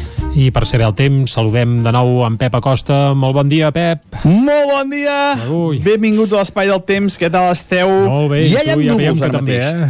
I es van oh. nuvolant cada vegada més. Fins i tot ja plou a l'extrem sud de Catalunya. És una banda de precipitacions que anirà pujant de sud a nord i ens escombrarà a nosaltres, jo crec que vols del migdia. Entre la una i les dues començarà a ploure. Pluja feble, no es preveuen grans precipitacions, com a molt moderada. Uh, jo crec que les nostres comarques els llocs que més plouran entre 5 i 10 litres. La majoria seran 2-3 litres, eh? Molt poca cosa, però bueno, almenys aigua és aigua. Almenys eh, aquesta sequera que tenim una mica ens la traiem de sobre. Les temperatures eh, baixaran. Les temperatures avui seran més baixes que les d'ahir, ja que hem estat moltes, molta estona ennuvolats, estarem i en pluja pocs valors superaran els 15-16 graus. Demà serà un dia així, eh, sol, núvol i cada vegada més ennuvolat cap a la zona del Pirineu. Però sembla que sense precipitacions demà, com a molt, quatre volves de neu cap a la zona de Ter, de cara ja a la tarda vespre. Mhm. Però demà serà el dia mm, més, més tranquil del cap de setmana. Per què? Perquè diumenge se'ns acosta un altre front. Però aquest no serà eh, tant de l'oest o sud com el d'avui. No seran les pluges de sud a nord. Diumenge ens afectarà més de nord aquest, aquest front. I això provocarà una baixada de les temperatures quan passi, quan ens escombri. Uh, el de diumenge serà molt semblant al d'avui, el temps. Molt semblant. Al matí encara clarianes, núvols, i a partir de les 3-4 de la tarda començarà a precipitar. Les precipitacions de diumenge sí que poden ser més importants i generoses i extenses, sobretot a la zona del Pirineu. Allà al Pirineu, atenció, que a més la nevada pot ser important. Mm -hmm. Moltes gràcies i fins dilluns. Adeu. Doncs vinga, moltes gràcies a tu, Pep. Dilluns t'esperem i farem repàs del cap de setmana. Aviam si l'has clavat o no, perquè el cap de setmana passat, Vicenç, en Pep eh, ens havia augurat pluges i al final eh, ens les van haver de pintar l'oli, eh?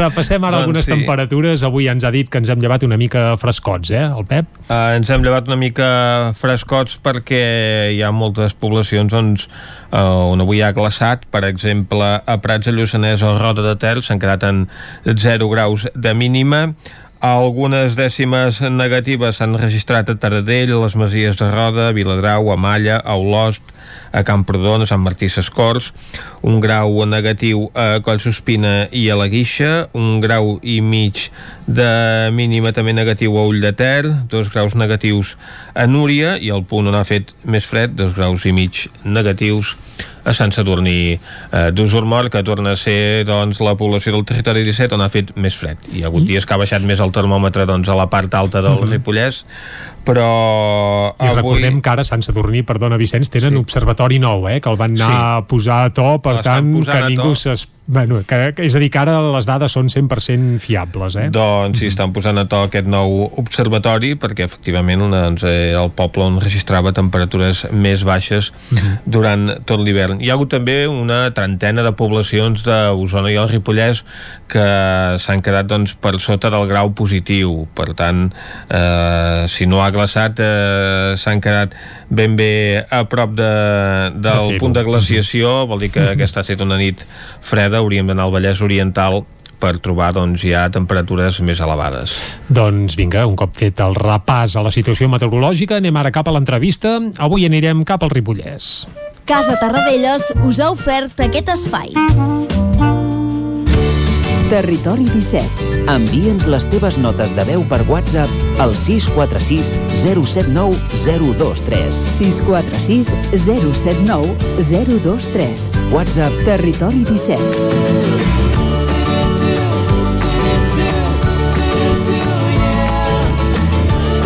Territori 17. Som a Facebook, Twitter i Instagram amb l'usuari Territori 17.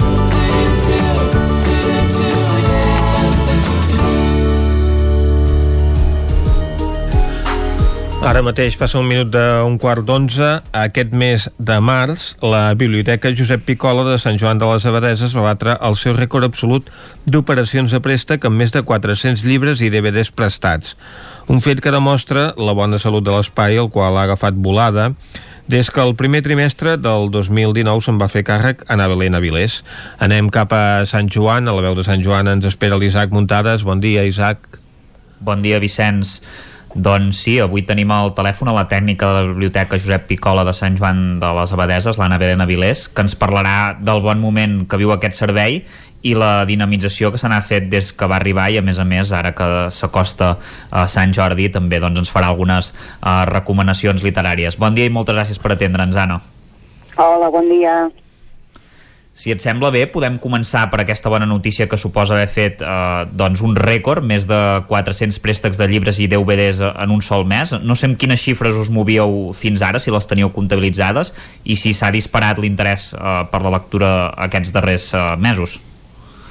Uh, mira, et puc dir, per exemple, que el, do, el 2019, que és l'últim any que podem tenir estadístiques fiables, perquè el 2020 vam passar gairebé dos mesos tancats, ens movíem per unes xifres aproximades d'uns 170 uh, operacions de préstec per mes. Uh, ja al febrer d'aquest mateix any ja vam fer unes molt bones xifres, uh, vam fer 330 operacions de préstec, però tampoc volíem llançar campanes al vol, perquè és una mica allò que diem d'un ocell no fa... una oreneta no fa estiu, però ara quan al mes de març ens hem trobat amb aquestes xifres, doncs realment veiem que l'interès per, a, per l'equipament a Sant Joan ha augmentat moltíssim.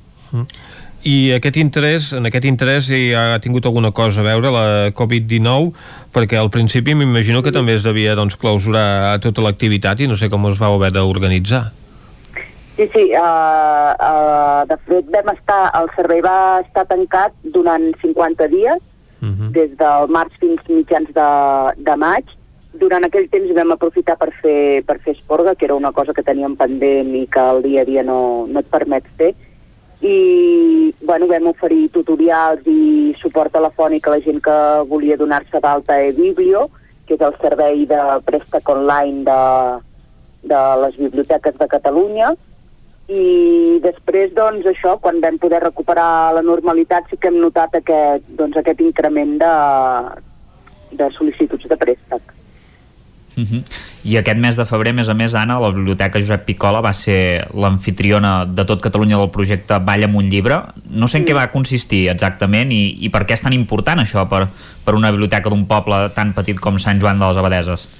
Clar, i tant, el Ball amb un llibre és un projecte de la Generalitat que consisteix a, a, a acostar la dansa, eh, que comentàvem, equipaments com les biblioteques, no? Llavors eh, es vincula la lectura d'un llibre, en aquest cas nosaltres vam ho volíem vehicular a través del nostre club de lectura, vam triar dintre de les opcions que hi havia, doncs vam llegir Lolita, i la intenció era poder fer uh, un, un espectacle in situ uh, amb, amb aquesta companyia de dansa, però per les restriccions de la pandèmia això va quedar uh, no la vam poder fer uh, presencial i, en canvi, uh, des de la Generalitat ens van ofertar la possibilitat de fer-ho online i uh, poder obrir a uh, usuaris de tot Catalunya que tinguessin interès que tinguessin interès a seguir aquesta sessió. De fet, uh, una, una qüestió bastant curiosa sobre, sobre aquesta sessió és que uns usuaris que es van connectar van ser uh, a València, una acadèmia de dansa,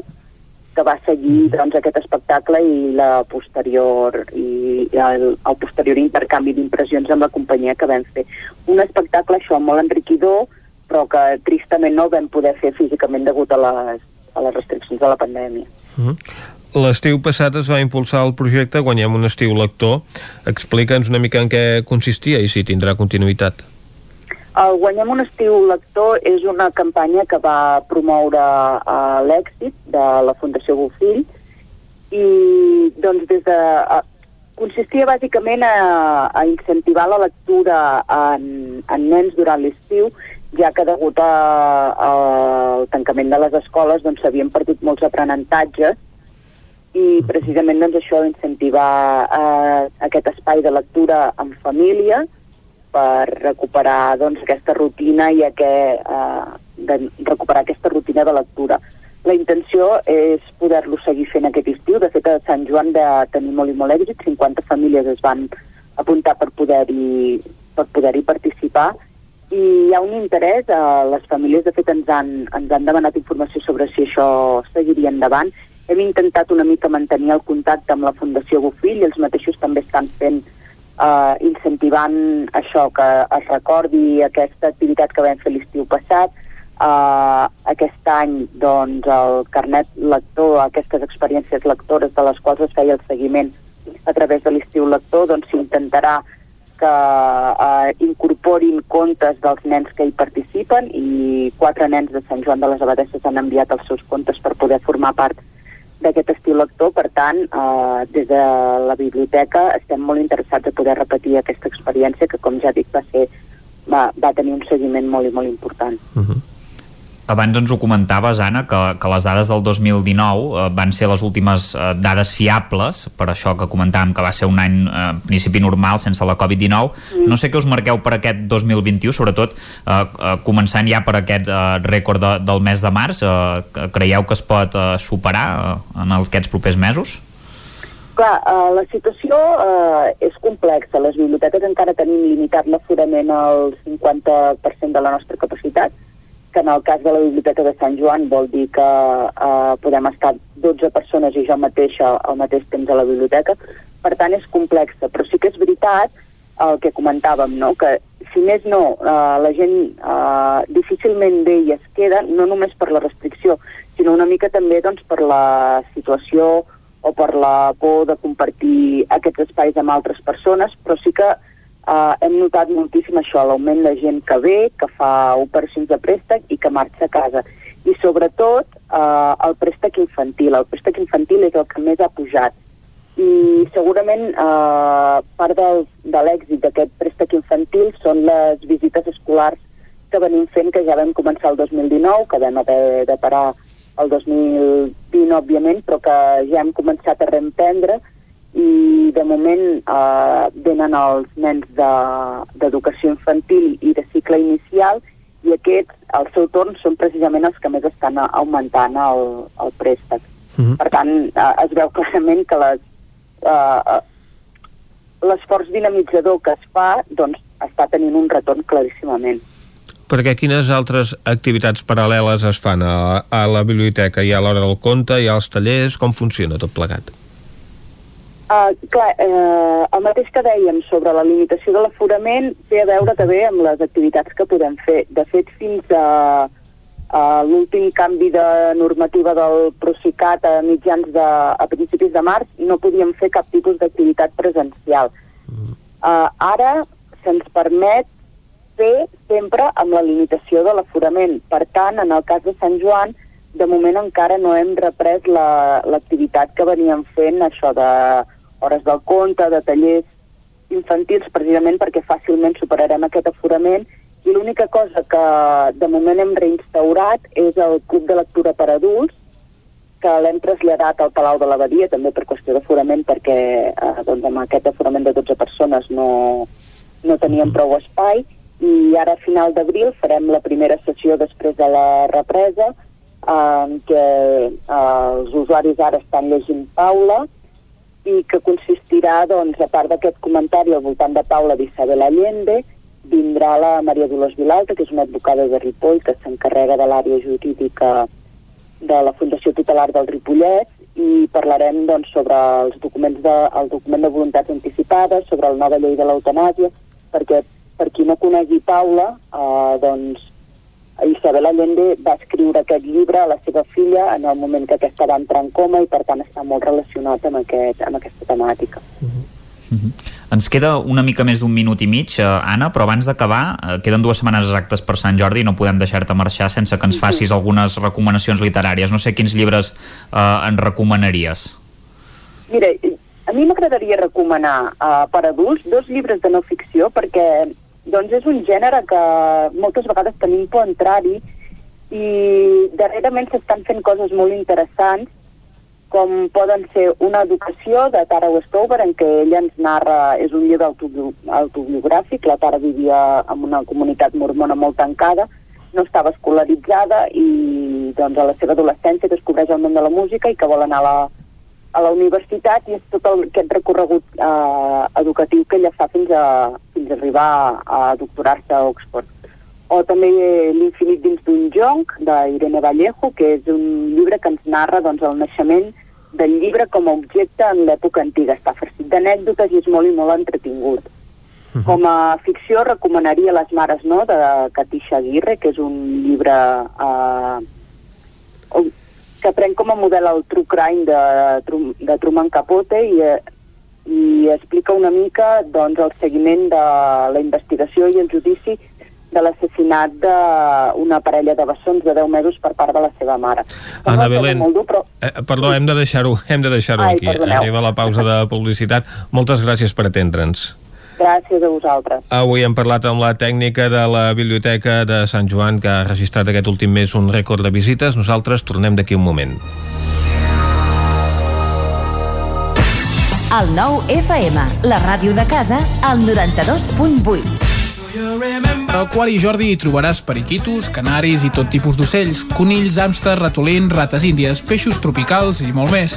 Aquaris, tortugues, joguines i tots els complements i menjars per tot tipus d'animals. Vine a informar-te de totes les nostres ofertes. Aquari Jordi som al carrer 9 número 34 de Vic i també a Instagram. Vols gaudir d'un bon arròs a casa sense no haver d'embrutar ni preocupar-te per res? La Fogonera, paelles per emportar. Un seguit de paelles, tapes, platets i postres casolans pensats per a paladars exigents. Ara més, fem menús per a petits grups de comensals. La Fogonera, la rosseria de paelles per emportar GURB i que també et portem a casa. Telèfon 93 851 55 75 i a lafogonera.cat. I quan cau la nit, Pupurri Culinari, solucions per sopar les nits de divendres i dissabte. Entra a pupurriculinari.cat i tria. Cocodril Club. Si t'agrada la bona música dels anys 60, 70 i 80, escolta el 9 FM als matins de dissabtes i diumenges d'11 a 1.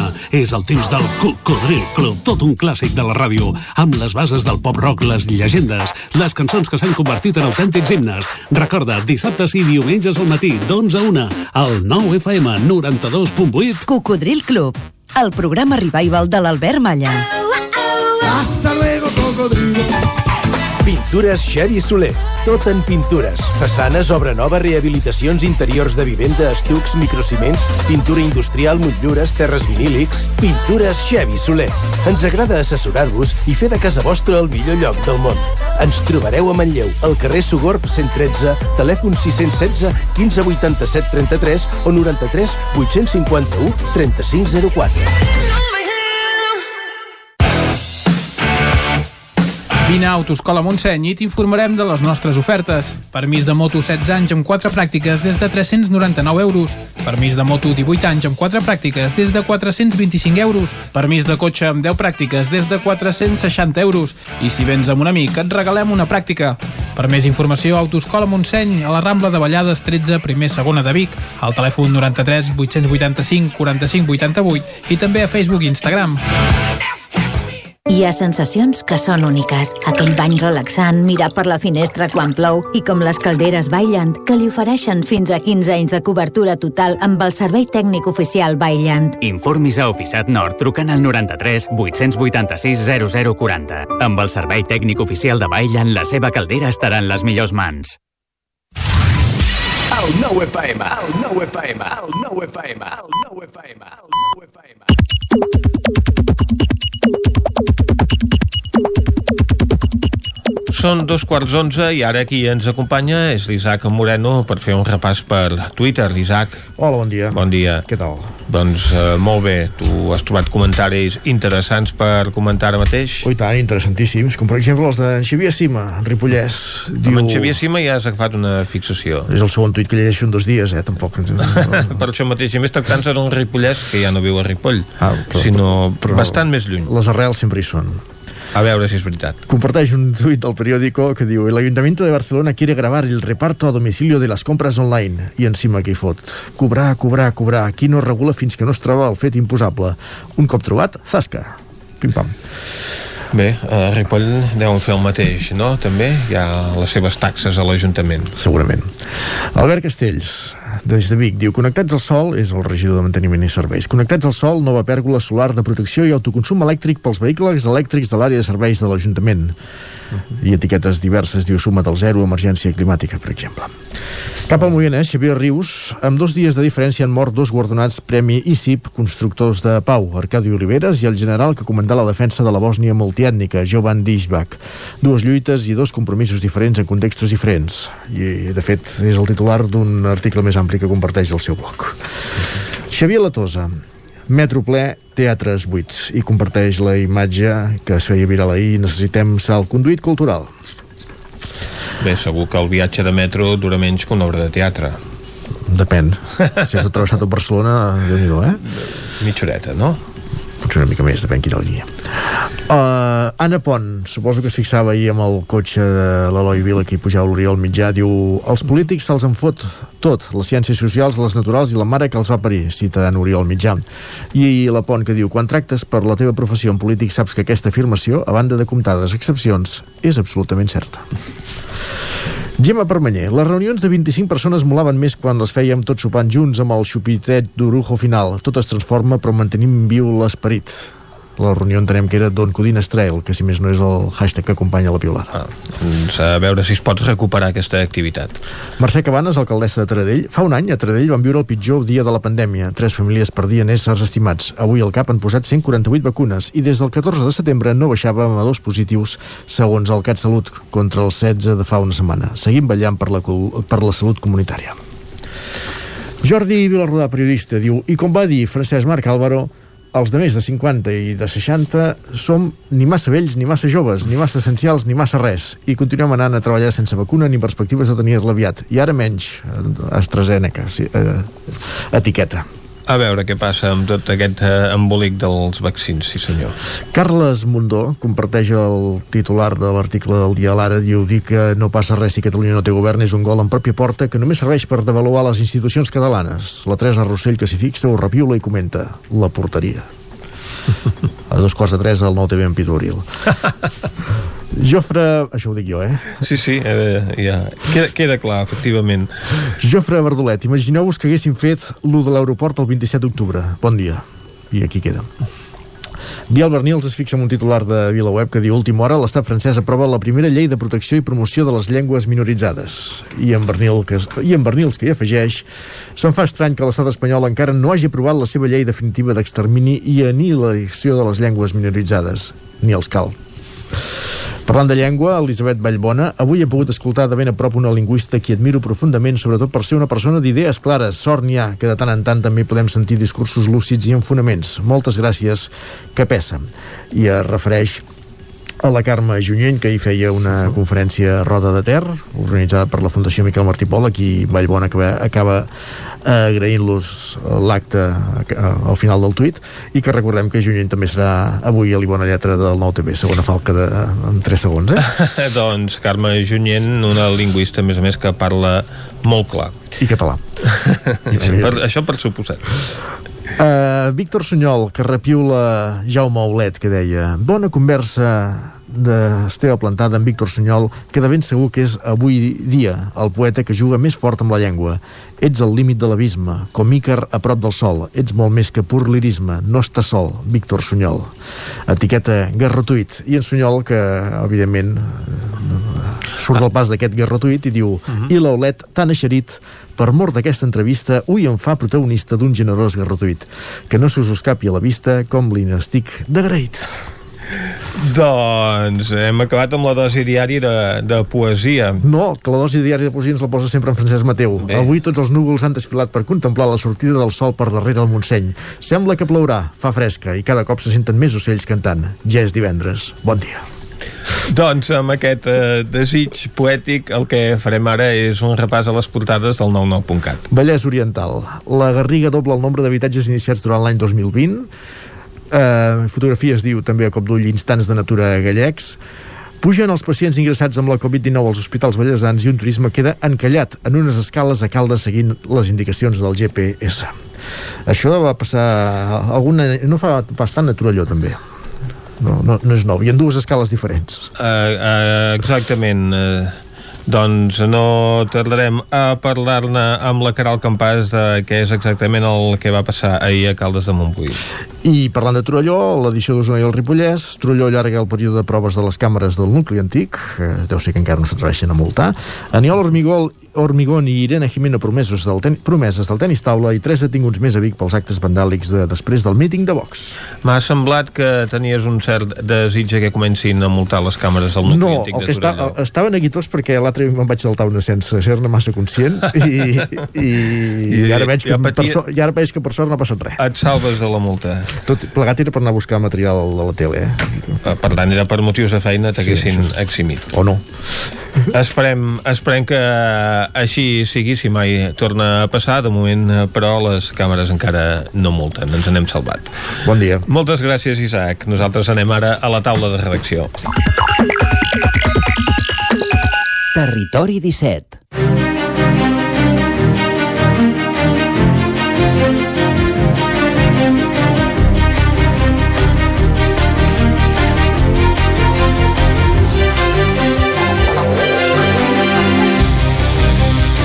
I en aquesta taula de redacció d'avui parlarem amb la Caral Campàs i amb en Guillem Freixa.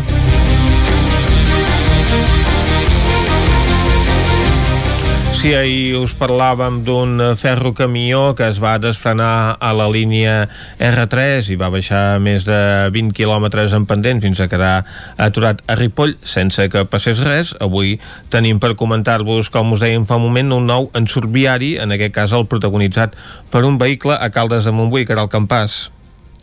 Doncs, doncs sí, mireu, uh, ahir a la tarda, entre les uh, 5 i les 6 de la tarda, els grups de WhatsApp de, dels calderins uh, uh, va succeir una cosa que, que passa quan sempre que, que hi ha fets curiosos i és que es van omplir de, de fotografies d'un cotxe encallat en una zona on, bé, no està permès que hi circulin cotxes i és una zona um, que està, perquè us ho pugueu imaginar, al rovell de l'ou del poble, en uh -huh. un dels carrers que dona a la plaça del Canaletes, també coneguda com a la plaça de l'Àngel i popularment com el Canaletes, que és una, un espai on hi ha diversos bars i, i terrasses i on hi ha molta gent sempre. Tot i que Llavors, aquella hora devien uh, estar tancats. A aquella hora Uh, sí, acabaven de tancar, de tancar feia poc uh -huh. i doncs això, els grups de, de WhatsApp de, de la gent de Caldes, com us comentava, es van omplir de fotografies doncs, d'aquesta imatge perquè era molt impactant d'un turisme encallat a, en, en unes escales que, que baixen. El que, el que vam poder saber és que uh, el turisme doncs, uh, va entrar a la zona de vianants seguint les indicacions que li donava el GPS i va quedar atrapat en aquestes escales o ben bé, que són són un, uns graons que hi ha entre la plaça i el, i el carrer del Marquès. Llavors, el cotxe hauria entrat per la, la banda del carrer Asensi Vega i hauria entrat a dins de la plaça i llavors ja tombat cap, cap a baix i no hauria vist doncs, aquest, aquests graons i va acabar, uh, va acabar quedant atrapat doncs, enmig també de la sorpresa de, de tothom que, que estava passejant per la zona.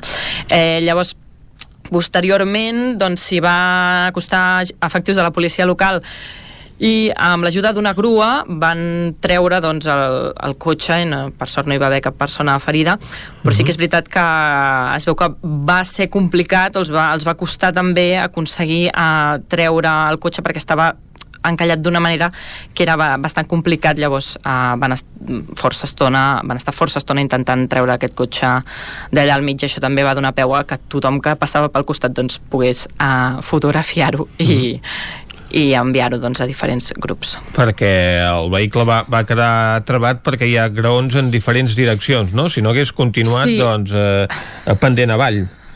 Exacte. Eh, perquè ho pugueu entendre, és com una mena de mig uh, rectangle o quadrat, que, sí, uh -huh. que com bé dius són, són graons que estan doncs, um, verticals i horitzontals, no? no uh, que fan com dos, dos angles. Exacte. Eh, uh -huh. Do, que dos angles. perpendicular als altres, no? Exacte, en exactament, en perpendicular uns dels altres, i llavors era, era una posició molt, molt complicada. A més, el cotxe va quedar doncs, inclinat amb el morro uh -huh avall i, i una de les uh, quatre rodes gairebé no, no tocava uh, el terra, llavors uh -huh. era, era un, una posició molt, molt complicada, però bé, al final van aconseguir treure el vehicle, que era, que era un SEAT, i, i per sort no va acabar amb cap uh, persona ferida ni cap uh, incident més enllà doncs, d'aquesta doncs, anècdota. Doncs celebrem que no hi haguessin danys, el mateix que va passar aquest dimecres al Ripollès. Moltes gràcies, Caralt a vosaltres. Ara nosaltres sí que hem de parlar de víctimes, en aquest cas d'aus que queden electrocutades a conseqüència doncs, de que es posen a les torres elèctriques i això ha derivat en una querella contra Endesa. I en té més detalls en Guillem Freixa. Bon dia. Hola, molt bon dia. Doncs uh, sí, els estols d'aus en concret, o, o majoritàriament de, de cigonyes, que són uh, força habituals a veure-les a, a passar per la comarca d'Osona en dos moments concrets de, de l'any, d'ara de, de l'abril fins més o menys al mes de juny i després de l'agost fins al mes uh, d'octubre i com bé explicaves, quan hi ha aquest pas aprofiten per fer uh, aturades, per descansar sobretot en les hores nocturnes i en molts casos uh, es col·loquen a sobre les torres d'electricitat que no estan degudament protegides doncs pot comportar els accidents d'electrificació i mort dels de, individus. Uh -huh. um, la Fiscalia de, de Medi Ambient um, va detectar o va tenir constància que s'havien produït uh, diversos episodis eh, d'electrocutació, de, de mort de cigonyes, en concret uh -huh. hi va haver un de molt important aquí a la comarca d'Osona entre el 3 i el 6 d'agost del 2018, en què va passar un estol de eh, 700 cigonyes, 72 uh -huh. de les quals van uh, acabar mortes i es va confirmar que havia sigut per electrocutació i a partir d'aquest episodi uh, la Fiscalia de Medi Ambient va començar o ha començat a recollir, ha començat a fer arxiu de tots els incidents d'aquest tipus que s'han anat produint a la comarca d'Osona en els últims dos anys uh -huh. i amb la col·laboració dels agents rurals, que són els qui aixequen acte de cada uh, individu que es troba mort sota una torre elèctrica, doncs n'han arribat a detectar uns 255 en aquests dos anys. Això, com bé deies també, ha comportat eh, que la Fiscalia de Medi Ambient presenti aquesta querella, una querella pionera a l'estat uh -huh. espanyol. No s'havia presentat mai eh, davant la justícia ordinària un fet d'aquest eh, tipus per part de la eh, Fiscalia i on es demana això, que s'investigui quina responsabilitat eh, hi ha per part de l'empresa distribuïdora d'energia, d'Endesa, a l'hora de protegir correctament aquestes torres d'electricitat. Uh, hi ha tota una normativa, tota una legislació que ho regula, com s'han de protegir, quines torres s'han de protegir, i en aquesta querella s'explica que, malgrat els requeriments que es havien anat fent a l'empresa cada cop que es trobaven eh, animals morts, com dèiem, majoritàriament cigonyes, però també altres aus protegides um, com poden ser uh, aligots, uh, diversa tipologia d'au rapinyaire, uh -huh. doncs cada cop que es trobava uh, un, un ocell es feia un requeriment i segons diu la querella no es uh, prenien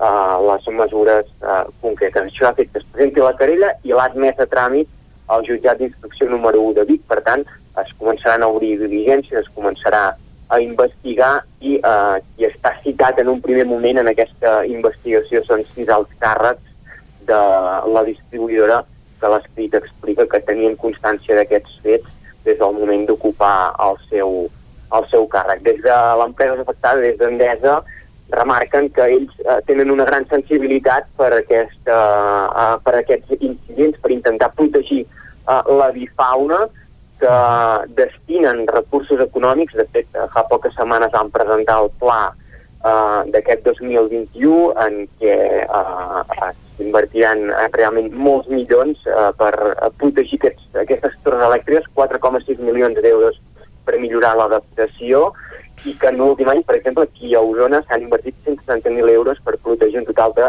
51 uh, uh, torres, que es fa aquesta feina, que no es poden encara tenir totes arreglades, però que es va fent i que Osona, segons el que expliquen, no seria la zona més problemàtica de Catalunya, sinó on hi tenen més problemes i on hi destinen també més recursos, és les Terres de l'Ebre i la plana de Lleida. Des del GAT, ja per anar acabant, el grup d'anellament de Call d'Atenes uh, Osona expliquen que és una, un, un fet, podríem dir, històric, que ells fa molts anys que van reclamant que s'hi posi solució i que fins ara la resposta que n'havien rebut eh, era escassa, que es protegien eh, torres individuals, no trams eh, llargs de, de línia elèctrica, i que fins i tot s'havien trobat casos que es protegia només un cantó de la torre i l'altra quedava desprotegida. Per tant, uh -huh. tenim aquesta querella pionera per investigar per uh, primera vegada a través de la justícia ordinària l'electrificació d'aus, majoritàriament cigonyes, en les torres elèctriques d'Osona. Doncs a veure com acaba aquest cas i si estableix jurisprudència. Moltes gràcies, Guillem. Adéu. Nosaltres eh, el que fem ara és posar punt i final a la taula de redacció. Territori 17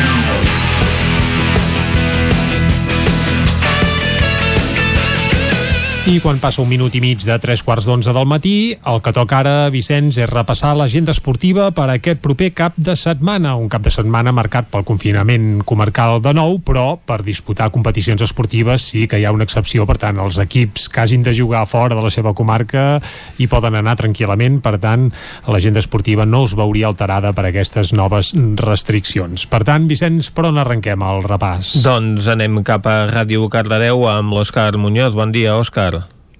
Bon dia. Fem un repàs, Òscar, a les principals activitats esportives d'aquest cap de setmana. Doncs sí, comencem amb els equips de Cardedeu amb, i comencem amb el filial de tercera catalana, el futbol, que jugarà uh -huh. fora contra el Santa Perpètua demà a les 4 de la tarda. En el mateix grup també podem trobar el, el primer equip del Llinàs, que jugarà a casa contra el Montmeló, Unió Esportiva, uh -huh. a dos quarts de cinc. Aquests dos equips es troben a la penúltima i última posició de la Lliga i esperem doncs, que aquest cap de setmana trobin la primera victòria. A veure. I el primer equip de, de, del Cardedeu sembla que eh, no jugarà aquest cap, aquest cap de setmana tampoc perquè sembla que no acaba d'arrencar aquesta segona catalana grup 4B. Uh -huh.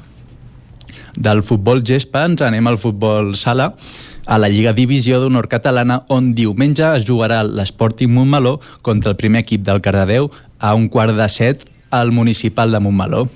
Aquí al Cardedeu doncs, sí que va millor, van novens, i aquest cap de setmana tenen el rival més assequible, ja que l'Sporting doncs, van últims de la classificació.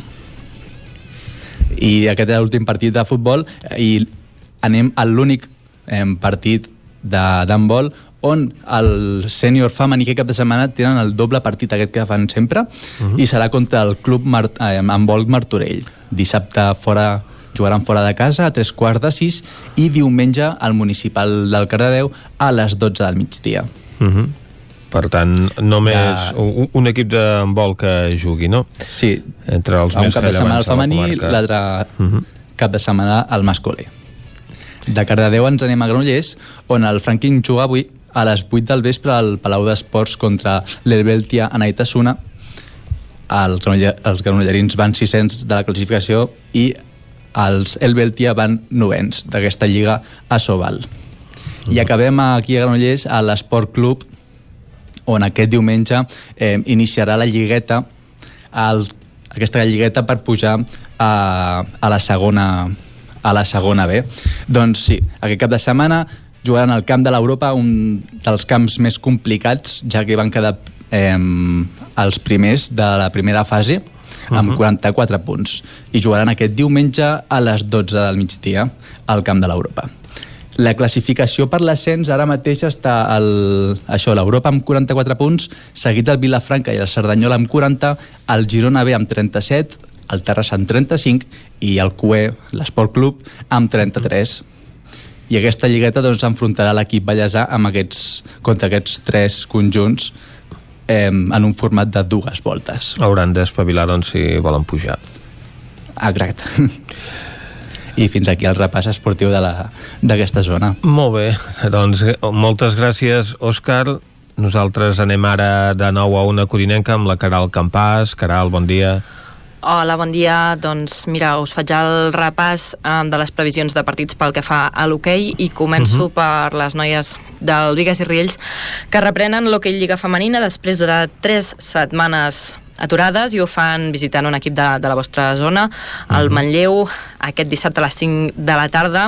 I bé, les Vallesanes, l'equip que dirigeix Ramon Peralta, és sisè i vol intentar esgotar doncs, a la pista del segon, que és el Manlleu, les seves opcions europees que, que passen per guanyar, ja que té a 6 punts a la quarta plaça. El Vigas està empatat amb el Voltregà, amb 11 punts tots dos equips, i, i bé, tenen a, a 6 punts la quarta plaça eh, quan queden només a, a 9 a, en joc. Llavors, ho passo cap a... anem cap a Sant Feliu de Codines, cap a aquí, uh, i, i és que l'equip de que està a segona divisió uh, juga aquest diumenge a les 5 de la tarda, juguen aquí a Sant Feliu al pavelló contra les Rozes, uh, com deia, a les 5 de la tarda, en un partit que correspon a la jornada 16, i tenim el Sant Feliu de número 8 a la classificació amb 16 punts, i les Rozes, el número 9, amb 13 punts, i comentar-vos també que, que el Sant Feliu els últims 3 partits eh, ve de dos empats i una victòria, la última contra el Santa Maria del Pilar l'anterior jornada.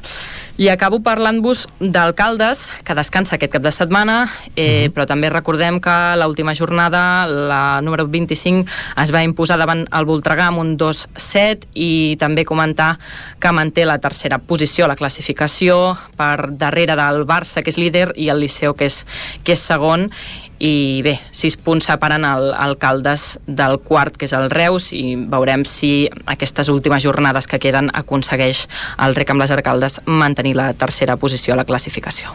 A veure, doncs, eh, què passa? Efectivament, seria una classificació històrica pel Caldes. Moltes gràcies, Caralt. A vosaltres. Ara nosaltres anem a la veu de Sant Joan, tornem amb l'Isaac Muntades per conèixer quina és l'actualitat esportiva al Ripollès. Bon dia, Isaac. Bon dia, Bon dia, Vicenç. Doncs sí, ten tenim activitat esportiva aquest cap de setmana i si us sembla comencem pel futbol perquè aquesta setmana jugarà la sisena jornada del grup 18 de la tercera catalana on ja sabeu que hi tenim dos equips ripollesos.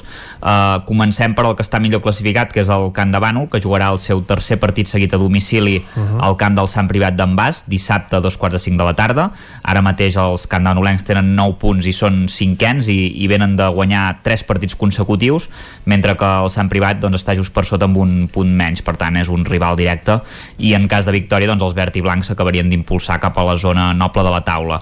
En canvi, l'altre equip de, del grup, la Badesenc, ho tindrà més difícil perquè ara mateix els Sant Joanins són quinzens amb 4 punts, però tenen un partit menys uh -huh. i s'enfronten a domicili aquest diumenge a les 11 del matí a l'escola de futbol de la Garrotja, que és el co-líder de la Lliga, amb 11 punts, i bé, la Badesenc està sent molt irregular i de moment només ha sumat una victòria i en cas de no guanyar doncs, aquest maig i de no fer-ho en el partit endarrerit doncs, pràcticament amb una lliga tan curta dir adeu a, a l'ascens, per tant ha d'intentar guanyar aquests dos partits.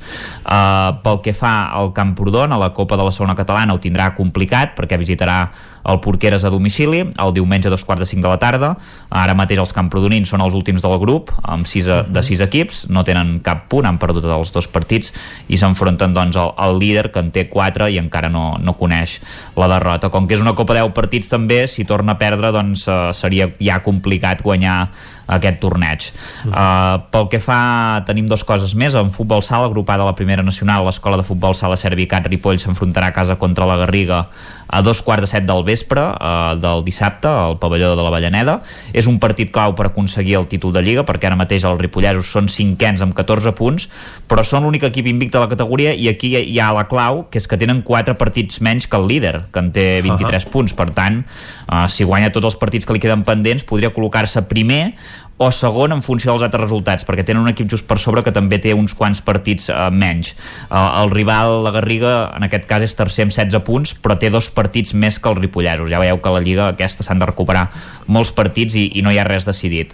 Uh, I pel que fa a l'Hockey Club Ripoll, el grup 1 de la primera catalana, aquest cap de setmana juga contra el Lloret a dos quarts de sis de la tarda.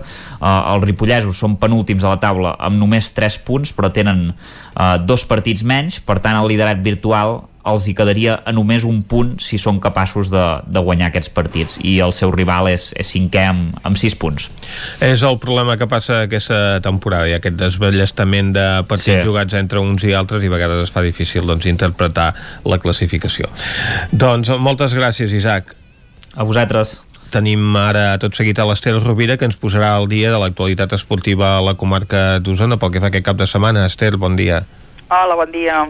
Aquest cap de setmana e-, és històric, no?, perquè no hi ha cap derbi de primera catalana de futbol. Exacte. I potser fins i tot també hi haurà un partit menys perquè a hores d'ara la federació um, posa com a jornat el Vic la Junquera perquè recordem que durant la Setmana Santa uh, s'havia de, de disputar un derbi històric entre el Vic, entre el Vic Riu primer i el Vic uh -huh. um, que no es, va fer, no es va poder disputar perquè els biguetans uh, doncs, uh, un parell o tres d'hores abans van notificar un positiu de, de coronavirus i la federació no els permet jugar fins, eh, o sigui, que compleixen els 10 dies d'aïllament el dia 10, que és dissabte, i el partit l'haurien de jugar dissabte a la tarda, però eh, s'acaba el termini eh, per jugar eh, a les 12 de la nit, perquè ens entenguem, no? I per tant, a hores d'ara, mm, aquest partit surt ajornat, tot i que la, la, la federació va donar autorització a la resta de jugadors per entrenar i, i el Vic vol jugar però a hores d'ara sembla que, que aquest partit no, no hi serà, per tant sí, no hi haurà der... Si diumenge el podrien jugar sense problemes Sí, exacte, però el volen jugar dissabte, eh, uh mhm. -huh. que és el seu horari habitual, perquè recordem que diumenge qui jugués el Vicriu primer femení de uh mhm. -huh. la primera nacional femenina, que també tenen partit a, a casa, i per tant això suposaria canvis um, a, a, tot, a tots els nivells, eh, també en els rivals, uh, i per tant uh -huh. es volen mantenir en, en aquests horaris. Per tant, tu deies, um, jornada històrica perquè no hi haurà derbi usonenc a la primera catalana al subgrup UA i potser també hi haurà un partit de menys perquè aquest de moment sembla que no, no jugarà. I pel que fa a la resta de conjunts usonencs eh, doncs juguen tots a fora, el Vicreu primer visita el Bescanó, el Manlleu el Lluet i el Tona a l'Escala.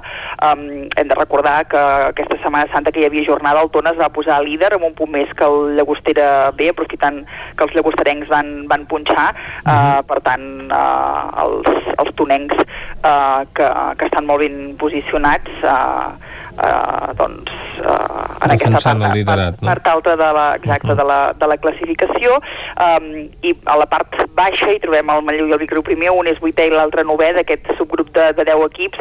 Um, el Manlleu uh, li està costant que li, que li surtin els, els resultats. El Vic primer va, va començar molt bé però ara també porta tres derrotes consecutives.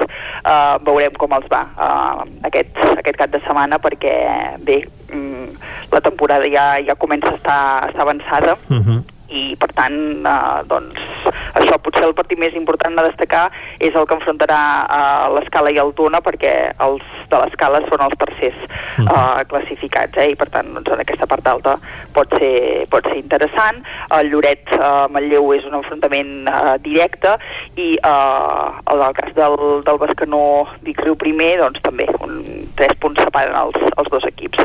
Això seria el més destacat pel que fa al, al, a la primera catalana. Eh, deia també eh, aquest fet que hi ha eh, partit el diumenge del Vic Riu primer femení de la primera nacional eh, que rep eh, l'Igualada. Eh, recordem que les biguetanes estan fent una, una bona temporada són cinquenes a la classificació i tot i que han patit alguna ensopegada doncs eh, es mantenen a tocar d'aquesta part alta de la, de la classificació.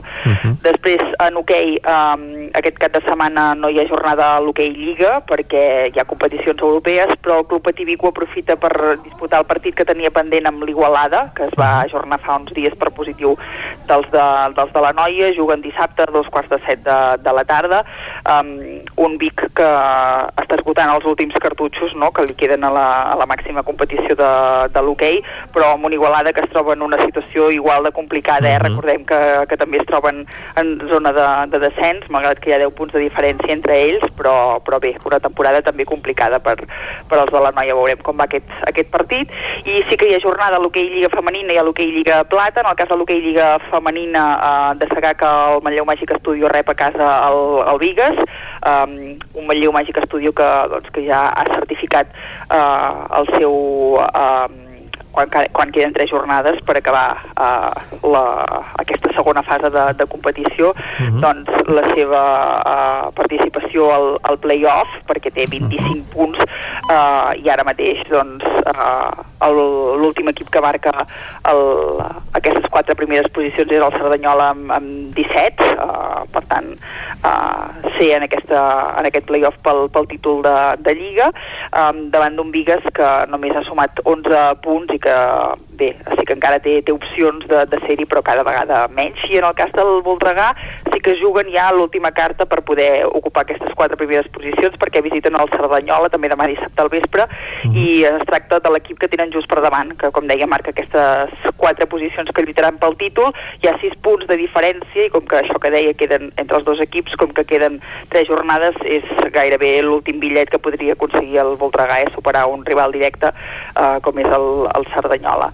I en el cas de l'hoquei Lliga Plata Nord, també juga a casa com el femení el Manlleu embotit Solà, que rep el Tordera, demà dissabte a les 8 del vespre, els manlleuencs que són els líders, eh, des de fa ja moltes jornades, d'aquest grup nord de l'hoquei Lliga Plata, ara mateix amb dos punts de diferència sobre el Vilafranca, i el rival d'aquesta setmana, el Tordera, és un equip que està en zona de ningú, que és setè, eh, zona mitja de, de la taula, eh, per tant, principi tampoc no ha de ser un rival molt complicat que tingui aspiracions per salvar-se o, o també per, per pujar com és, el, com és el seu cas.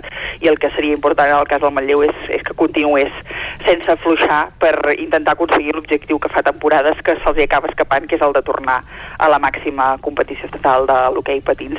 I acabem just també destacant el partit que tindrà el Club Bàsquet Vic aquest cap de setmana a la Lliga EVA eh, de bàsquet. Demà dissabte a les 5 de la tarda eh, visita el Llucmajor viatja fins a Mallorca eh, per visitar el que és el, el líder de- d'aquest seu grup C3 um, líder però estan empatats de, de punts. Uh, els biguetans això sí tenen un partit més disputat i també seria uh, en aquest cas, en cas de victòria seria la, la manera d'assegurar-se eh, doncs que, que els biguetans podran anar a, a fases, que podran disputar uh, un play-off per, per, al, per al títol i optar a, a tornar a la, a la, a l'E Plata. En cas de perdre, les opcions eh, doncs ja serien eh, molt, molt escasses perquè la resta dels seus rivals tenen tots un partit menys i, i l'estat molt igualada la classificació. Per tant, també últim cartutxo per, per intentar eh, signar una temporada més que bona pel, pel Club Bàsquet Vic. Molt bé, doncs moltes gràcies, Esther. Que vagi bé. Nosaltres ara posem aquí al punt i final aquest repàs a l'agenda esportiva del cap de setmana.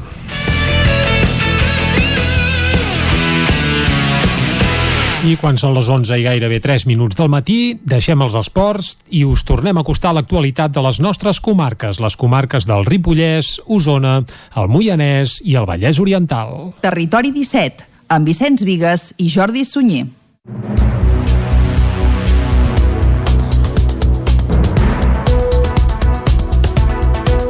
Tot i que la legislació prohibia que hi hagués desnonaments mentre durés la pandèmia, durant l'any 2020 a Osona se'n van fer 67, més d'un per setmana. La fi de l'estat d'alarma previst pel proper 9 de maig podria agreujar encara més la situació. L'anunciada finalització de l'estat d'alarma el proper 9 de maig preocupa i molt a la plataforma d'afectats per la hipoteca a Osona. La finalització d'aquesta normativa excepcional tornarà a obrir la porta als desnonaments que fins ara estaven prohibits per la legislació que protegia les famílies vulnerables vulnerables que patien la crisi econòmica derivada del coronavirus i també a les famílies que ocupaven pisos de grans tenidors. La reactivació dels casos pendents i l'arribada de més casos fruit dels ERTOs fan preveure uns mesos molt complicats. Ho detalla Víctor Domínguez, membre de la plataforma Osona. N'hi ha 25.000 esperant a Catalunya només per eh, desnonaments. No sabem com esperarà, nosaltres estarem fent força on calgui i donant recolzaments a tota la gent que està pendent d'un desnonament. Malgrat que la legislació ho prohibia durant el 2020 es van fer 67 desnonaments a Osona, més d'una a la setmana. D'aquests 57 van ser per no poder pagar les quotes de lloguer. Víctor Domínguez. La legislació estava molt clara, però els advocats de les, dels bancs i de les empreses que porten el tema saben donar-li la volta. Això no compta, a més a més, tota la gent que se n'ha anat que ha deixat el pis quan ha rebut les cartes ja no del banc, sinó del de, jutjat. La xifra és enganyosa perquè hi ha processos judicials que es van aturar després que els jutges paralitzessin la seva activitat durant la primera fase de la pandèmia. A la plataforma, però, continuen buscant sortida a tots els casos. Eli Cunyà és membre de la Pausona. La PA no es dedica a de que, mira, dóna'm la teva hipoteca i jo t'ho vull arreglar tot. No. T'expliquem on t'han enganyat, eh, què és el que està malament, què podem fer, perquè sempre hi ha una sortida. Eh, van tindre sortides molt, molt lletges perquè molta gent se'n va anar, molta gent no va superar, perquè sembla que sigui una cosa, oh, és un tòpic, no, n'hi ha molta gent que s'ha quedat en el camí, perquè és molt dur que te facin fora a tu i als teus parents de casa, perquè n'hi ha hagut casos que tu tenies la hipoteca, però la teva mare o el teu pare o el teu germà te va fer d'aval amb el seu pis i el banc se va quedar tots dos pisos per un a la plataforma d'afectats per la hipoteca Osona es continuen reunint cada dimecres al vespre al Casal Claret de Vic per posar en comú les seves problemàtiques i buscar solucions a les desenes de casos que van arribant. La Diputació de Barcelona destina més de 200.000 euros en ajudes en matèria de joventut al Vallès Oriental. David Auladell, de Ràdio Televisió, Cardedeu. A través de l'oficina del Pla Jove, la Diputació ha fet una aportació d'uns 218.000 euros per actuacions en matèria de joventut al Vallès Oriental. Els diners es canalitzen a través dels ajuntaments i del Consell Comarcal. L'objectiu del fons és reforçar els recursos humans dedicats a promoure polítiques de joventut, facilitant la realització de les accions recollides en els plans locals i comarcals de joventut, expliquen des de la Diputació en un comunicat. Les ajudes també volen promoure polítiques innovadores en matèria de joventut per fer front a les noves necessitats sorgides per la pandèmia de la Covid-19. I ara parlem de Colpernap, una aplicació mòbil nascuda a Sant Hipòlit de Voltregà que pretén ser una mena de Wallapop de productes d'artesania i d'alimentació de quilòmetre zero. Aprofitar la geolocalització per vendre o intercanviar productes de quilòmetre zero. Utilitzant aquest funcionament similar al del Wallapop a Sant Hipòlit de Voltregà hi ha nascut Colpernap, una aplicació que han creat Pau Giral Clàudia Giral, Amèlia Vergés i Maria Hernández. L'aplicatiu pretén acostar productors d'alimentació i artesans als consumidors del seu voltant sense intermediaris i també vol promoure hàbits de consum saludables i propers, ho explica Amèlia Vergés, una de les impulsores de Colpernap. Nosaltres creiem uh, fermament en un consum de petits productors, en un consum que sigui sostenible pel medi, no? i és algo que ens preocupa molt fort i que intentem posar-hi molta atenció també en el nostre consum diari, al dia a dia. Llavors una mica ens donàvem compte no? que per consumir productes ecològics i tal, moltes vegades ens anàvem a buscar productors de molt lluny i vam dir, ostres, si és que el que seria interessant seria conèixer quins productors i productores tenim al nostre costat Colpernap està activa des de finals de gener i dona cabuda a productes de menjar, begudes, artesania de fusta, tèxtil, vidre, metall, plantes o cosmètica, sempre que s'hagin elaborat sense procés industrial. De moment compta amb 3.000 usuaris i més de 200 productors. Pau Giral és un altre dels creadors de l'aplicació. Els perfils dels productors són totalment autogestionats, llavors ells es creen el seu perfil i eh, mostren el seu producte, com treballen, pugen els seus productes. Nosaltres sí que fem una petita verificació per, per uns estàndards de, de qualitat i després ells gestionen les seves vendes i, i s'encarreguen de, de contactar. Nosaltres posem en contacte el que són els, els clients amb els productors i també gestionem els pagaments. També els hi fem la vida fàcil en aquest sentit. La idea de l'aplicatiu ja se'ls havia acudit a finals de l'any 2019 i el confinament a causa de la Covid-19 va servir als seus promotors per accelerar-ne el desenvolupament. En el context actual de restriccions i sense fires gairebé en lloc, l'equip de Colpernap considera que l'aplicació pot ajudar els artesans a vendre els seus productes. Les famílies a les escoles de Ripoll gaudiran de tallers de sexualitat durant tot el mes d'abril.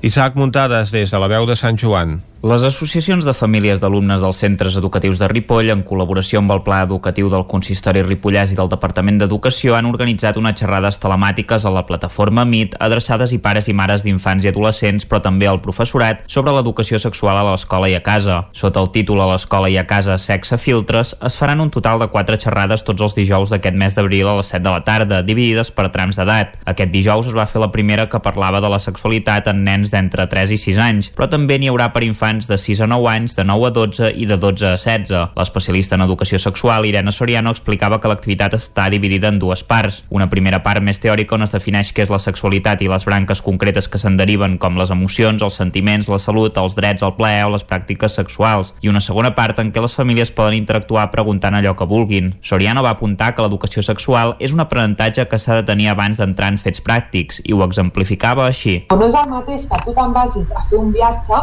i que tu saps que agafaràs un avió, arribaràs a un, a un lloc, a un país o una ciutat i no has preparat res, no saps què has de fer, quin autobús agafar, on anar, on dormiré, on menjaré, què aniré a veure, no sé què té aquella ciutat. No és el mateix això, que a més a més pot ser que em fiqui en un lío perquè no em conec la ciutat, no estaré segura, però en canvi si jo em preparo aquest viatge i sé que arribaré, arribaré a l'aeroport, agafaré l'autobús 3, arribaré a la plaça de la catedral, dos carrers més al costat hi ha l'hostal on aniré a dormir i a més a més aniré a sopar al lloc i l'endemà em vindrà a buscar un autobús per fer un tour a visitar el no sé què. De manera jo estaré segura, no em ficaré en lius i podré triar. A més a més triaré i triaré bé. Soriano va recordar que cada criatura té un desenvolupament sexual diferent, ja que hi ha infants que comencen la pubertat als 8 anys i d'altres ho fan als 14. A més, hi ha nens i nenes que comencen a investigar abans el seu cos i a qüestionar-ho tot. Sobre les diferències entre un home i una dona, l'especialista en sexualitat va incidir en que les noies coneixen i toquen menys els seus genitals. En canvi, els nois es veuen i toquen el penis cada vegada que van al lavabo i no s'hi observa una connotació eròtica sexual com si passa amb les dones.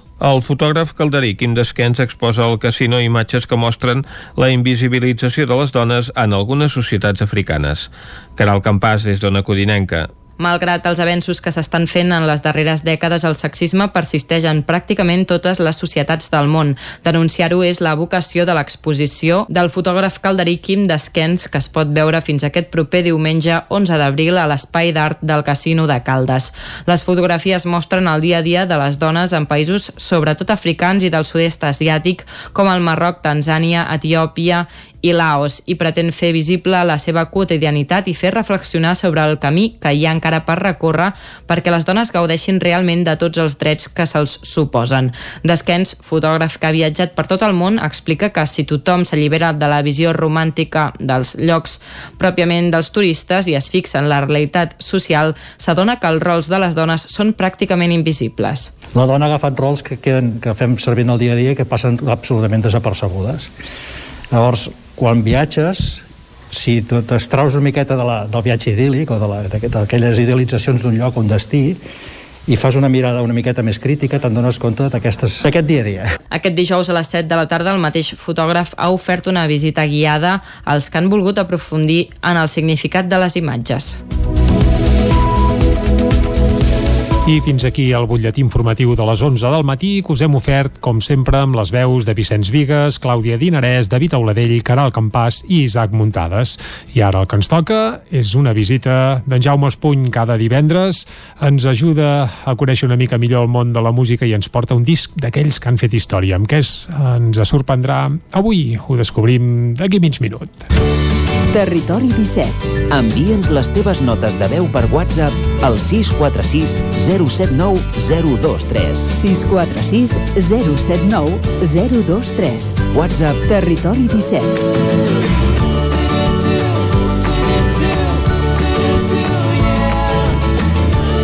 Territori 17. Som a Facebook, Twitter i Instagram amb l'usuari Territori 17.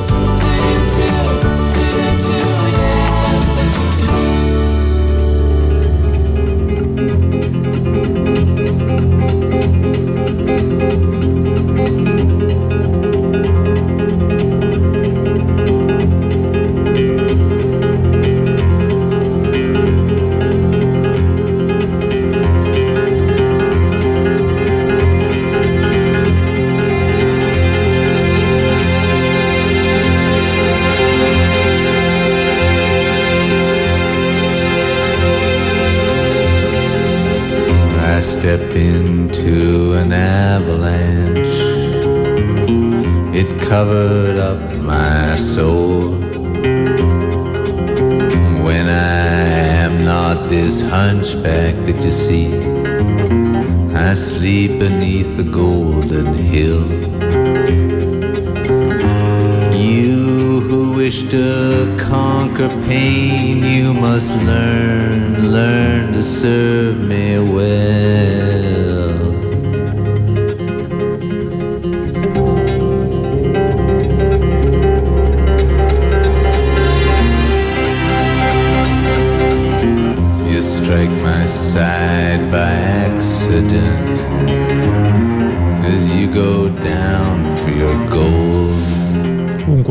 12 eh, del matí i amb aquesta veu profunda saludem en Jaume Espuny i la veu profunda de qui canta jo crec que ja l'he identificat. Jaume, molt bon dia. Ara, ara, tornem-hi, tornem-hi, Jaume, tornem-hi, que, que no t'hem sentit, eh? En Vicenç potser també l'ha identificat, sí. perquè em sembla que n'és un gran seguidor, a més a més, eh? Leonard Cohen, sí. Molt, és que molt, jo, estic, jo estic segur que la gent va pel carrer sí. preguntant-se Què se n'ha fet en no, Leonard Cohen? què devia cantar en Leonard Cohen Home, fa què se n'ha fet, pobre? Uh, Sí, per desgràcia. Sí. Què, què, què devia cantar Que- i devia compondre? Doncs aquí tenim la, la resposta. Uh, L'any 71, fa 50 anys, va publicar aquest disc, que m'agrada molt el títol, Song of Love and Hate, cançons d'amor i d'odi, ja devia pensar en Ciutadans aquest, en Ciudadanos, i, bueno, és un, un disc que va tenir molt èxit de crítiques. Estàvem escoltant la primera cançó que es diu Avalanche, Alau, Allau, que comença dient una llau està caient a sobre meu. És que és un disc molt dens, desesperat, pessimista, depressiu, bueno, pessimista, com vulguis dir, no? Però també hi ha una cançó de protesta que i crida una mica més, que es diu eh, Diamonds in the Main, que protesta masclisme, barreja tot, masclisme, religió, els gurús, que aquells temps estaven molt de moda, els, aquests indis, tot això. L'escoltem. Doncs vinga, escoltem aquesta altra peça, va. Oi, no.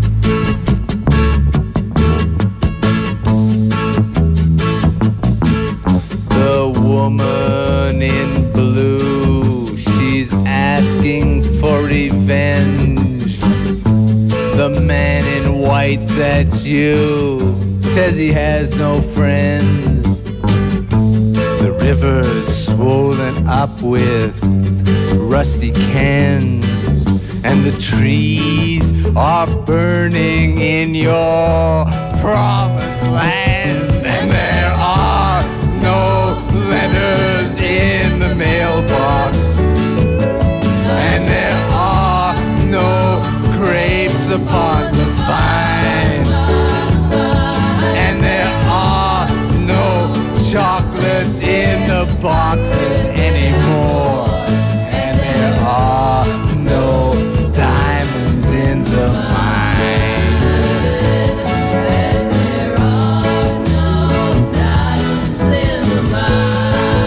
Leonard Cohen, que sempre s'ha sabut acompanyar de bones veus femenines. Sí, també. eh? sempre. Això ja ho té des de Aquí fa temps. veure, sí. A, a, a més, sí. aquesta cançó penso que té una mica de ritme de reggae que Sí. llavors començava començava a sortir poc encara Mhm. el Bob Marley el reggae. No, no, no té el ritme de cançó protesta. Tot No. i que sigui una cançó diferent No, del, sí, de la, eh, esta del disc. Exactament, està enfadat només, però se'l veu enfadat. El Leonard Cohen aquí Quan és tenia... de Ciudadanos i per tant no crida. Sí, tenia 37 anys, el Leonard Mhm. Cohen. Eh, que ja sabem que va arribar tard això de, de la música perquè el primer disc que va gravar en tenia 34 en aquell Mhm. temps el, el, el Bob Dylan o els Beatles tenien 24 20, eren uns, uns nens. Mhm. ell ja era un senyor, un senyor gran. Perquè tenia un nom com a poeta allà al Canadà. Eh, va publicar una novel·la, no va tenir gaire èxit i, i se'n va anar eh, a Los Angeles, bueno, als Estats Units, a Los Angeles, Angeles, eh, a fer música. eh, i, a i va aprendre, abans va aprendre a tocar la guitarra, que no sé si això ho sabeu. Que no en sabia. És mig, mig llegenda o no, però li va ensenyar a tocar-la un noi de Granada que havia, amb la seva família havia, anat, havia emigrat al, al Canadà. Ah, això no ho sabíem. Sí, ell ho va explicar, a més a més, quan va rebre el premi, que era? El premi Príncep d'Astúries. Mhm, sí. Ho va explicar. Que, Mhm. sí, un, un nano que diu que no, no, no l'ha vist mai més, però que li feia classes pagant eh, allà a Toronto, no sé. I d'aquí el seu interès en Federico García Lorca, per exemple, eh? d'aquest contacte amb aquest guitarrista... És aquest, és aquest. Ah. No, no, jo dic si venia d'aquí aquest El interès... seu que- interès Ah, eh, vale, per les músiques ja. i les Però lletres és que era, era un nano de Granada que, que bueno, pu- pu- sí que té una relació, eh? Sí que té una relació. Tot lliga, tot Sí. Podem escoltar una cançó ara en directe, en directe de la isla, del festival de l'illa de, de Wright, uh -huh. que Jimi Hendrix, el Emerson Lake and Palmer, I per allà al mig també hi havia Leonard, Leonard Cohen. doncs Aquí vinga, una peça que és el disc, però sí, que Sing Another Song, en boys. directe. Canteu una altra cançó, nois. Vinga, escoltem-la. are his fingernails. I see they're broken. His ships, they're all on fire. The moneylender's lovely little daughter. Ah, she's eaten, she's eaten with desire. She spies him through the glasses from the pawn shops of her wicked father. She hails him with a microphone that some poor singer just like me had to leave her. Him with a clarinet. She waves a Nazi dagger. She finds him lying in a heap. No ho sembla en directe, eh? El so és Sí, espectacle d'estudi, pràcticament, eh? Sí, sonava bé, sonava bé, Sí, sí. sonava bé. Oh, però aquests se'n sabien, tota aquesta gent, eh? Clar, evident, home, sí, sí, perquè ens hem d'enganyar, clar que sí. El, el disc va ser el primer disc que va tenir èxit de crítica, que era el, el, bueno, el tercer, però poc de públic. Eh, tornant a aquella, aquella llista que vam parlar de 500 discos, els 600 La millors setmana discos... passada ens vas sí, la portar aquesta passada, llista que cinc- encapçalava el Marvin Gaye, segons, el Marvin Gaye, segons sí. la darrera actualització. Sí. Ja va, me la vaig mirar més bé després del Neil Young, hi ha set, eh, sis discos. Oh, carai. Sis, però el primer és el 72. En van, en van. I, I de Leonard Cohen només n'hi ha un que està per allà al 200 o 300 i que és precisament aquest disc. No en tenen ni idea, perquè vaig quedar m'ho vaig buscar molt bé i no n'hi ha cap de Nick Cave i això ja, ja em va deixar molt, molt tocat.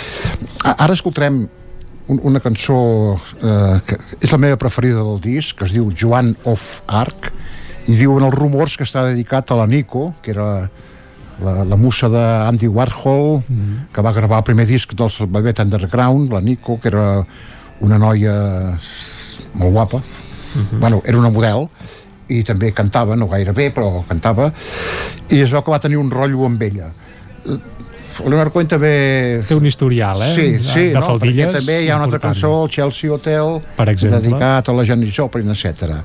I, I fa gràcia aquesta cançó perquè se sent, canta dues vegades. Ell la, se sent la seva veu i al fons tam, la, repeteix la cançó que també és ell. Escoltem-la, es diu Joan of Arc. Doncs vinga, Joana d'Arc. Joana d'Arc, escoltem-la.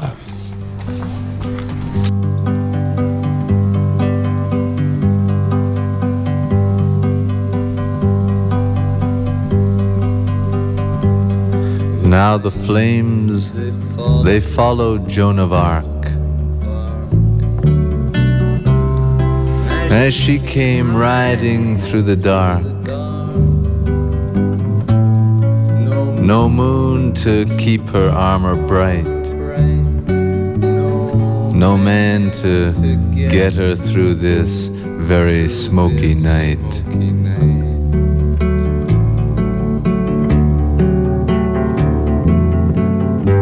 She said, I'm tired of the war. I want the kind of work I had before. A wedding dress or something white to wear upon my swollen appetite.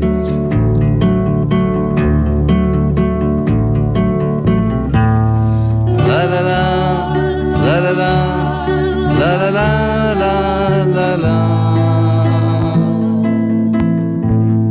La la la la la la. La la la la la la. La la la la la la.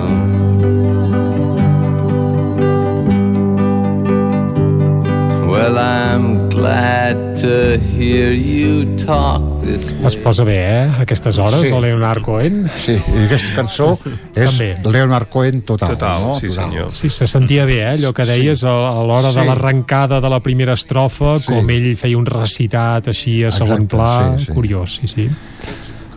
I ara no gravarà mai més cap disc. per desgràcia. No, clar, pobre, ho té complicat. Com- com diuen- Des de l'altre barri Com costa. diuen una cosa que em fa molta ràbia per, eh, per internet, que es, es mor d'algú Mhm. i sempre hi ha el comentari, algun comentari que diu sempre se'n van els millors. I és mentida, se'n van tothom. Tothom, tothom marxem. Sempre se'n van els Sí, un- millors. un dia o altre, sí, això de moment. Això dels millors. No, sí, el 7 de novembre farà 5 anys que va morir. El temps passa volant, eh? I tant. No, no sembla mentida. Mm? Ens acomodem, si de cas, Amb una altra cançó. està sonant ja, em sembla. Sí. Sí, uh, una que aquesta... Potser és la que va tenir més èxit. Last Year's Man. És llarga aquesta, eh? Ah, sí? Sí, no, no, però escolta, no, no, marxem amb aquesta. Sí, Dius, sí, com sí, que és sí. una de les que va tenir més èxit, dic, ostres, Sí. normalment les que Bueno, trien està- com a singles potencials fan 3-4 minuts, aquesta Exacte. passava de 5 minuts, crec, Sí, eh? sis minuts, Sí, sí, sí, oi, sis minuts. Veus? Doncs, Jaume, gràcies Molt per acostar-nos avui la veu de Leonard Cohen. Molt bé. La setmana que ve fins la setmana més, que ve. no? Sí, sí. Va, perfecte, perfecte. doncs nosaltres ara, a Vicenç, escoltem una mica de Leonard Cohen i, arribem sí. fins al punt de dos quarts aquí a Territori 17. Anem-hi. I met a lady, she was playing with her soldiers in the dark. Oh, one by one, she had to tell them that her name was Joan of Arc. I was in that army, yes, I stayed a little. Territori 17. El nou FM, la ràdio de casa, al 92.8. Pintures Xavi Soler. Tot en pintures. Façanes, obra nova, rehabilitacions interiors de vivenda, estucs, microciments, pintura industrial, motllures, terres vinílics... Pintures Xavi Soler. Ens agrada assessorar-vos i fer de casa vostra el millor lloc del món. Ens trobareu a Manlleu, al carrer Sogorb 113, telèfon 616 15 87 33 o 93 851 3504. Vine a Autoscola Montseny i t'informarem de les nostres ofertes. Permís de moto 16 anys amb 4 pràctiques des de 399 euros. Permís de moto 18 anys amb 4 pràctiques des de 425 euros. Permís de cotxe amb 10 pràctiques des de 460 euros. I si vens amb un amic, et regalem una pràctica. Per més informació, Autoscola Montseny, a la Rambla de Vallades 13, primer segona de Vic, al telèfon 93 885 45 88 i també a Facebook i Instagram. Hi ha sensacions que són úniques. Aquell bany relaxant, mirar per la finestra quan plou i com les calderes Bailand, que li ofereixen fins a 15 anys de cobertura total amb el servei tècnic oficial Bailand. Informis a Oficiat Nord trucant al 93 886 0040. Amb el servei tècnic oficial de Bailand, la seva caldera estarà en les millors mans. Busquem mares i pares amb consciència. Nodrissa Cuina Escolar és un servei per a menjadors escolars amb uns criteris nutricionals molt seriosos. Som a la comarca d'Osona, a Gurb, des d'on cuinem diàriament l'aliment pels vostres fills i filles. Productes de proximitat, canell de cuina i servei seriós. Volem treballar amb i per a vosaltres i si alguna cosa hem après és que no tot s'hi val. Producte i servei exigent per uns clients honestos. Nodrissa Cuina Escolar, el teu nou partner per al vostre menjador escolar. Entra a nodrissa.cat i informa-te'n. El racó de León. Gaudeix de la nostra terrassa. Vine a tastar les xuletilles de lechal a la brasa amb una bona amanida o el xuletón de vedella gallega. No et pots perdre el nostre lechado de Castilla al forn o el cochinillo a l'estil de Segovia. Tot acompanyat del millor celler, al menjador o fora la terrassa. Descobreix la millor cuina de Lleó sense moure't de casa. Vine amb la família, els amics, la parella o sol. T'encantarà. El racó de León, cuina tradicional lleonesa i de mercat. Som al carrer Torelló número 35 de Vic. Per reserves, telèfon 93 889 1950. El racó de León, una cuina diferent. Som especialistes en cargols a la llauna, 30% d'aforament interior amb totes les mesures sanitàries. I ara vine a gaudir de la nostra terrassa. La ràdio de casa al 92.8. El 9 FM.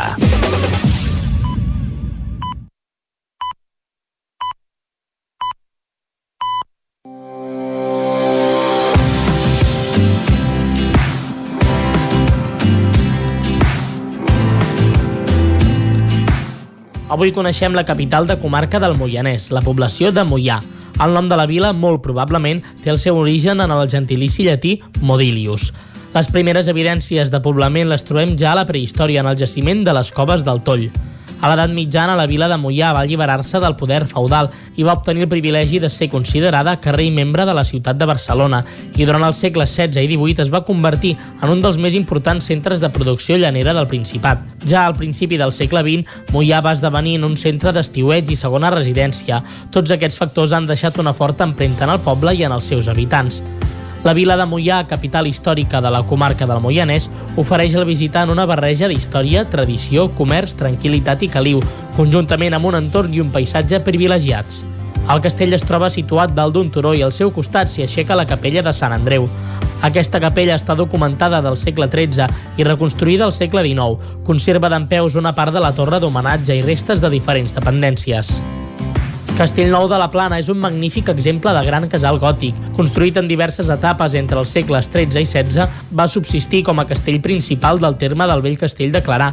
Al seu interior s'hi troben dos molins fariners construïts esglaonadament, trobant-se la bassa que alimenta el segon a l'interior del mateix edifici. El nom del molí nou que ve donat per l'antic molí fariner és un lloc molt freqüentat, especialment durant l'estiu, i disposa de fonts, bancs i taules per poder-hi fer un pícnic berenar o simplement passar una estona. És un paratge acollidor al qual l'embassament ha donat molt més atractiu. Les coves del Toll són una formació geològica habitada des de la prehistòria, un dels referents més importants d'aquesta prehistòria no només del Moianès, sinó de tota Catalunya. Es troben situades sobre el torrent Mal al terme de Mollà amb un bon accés per carretera.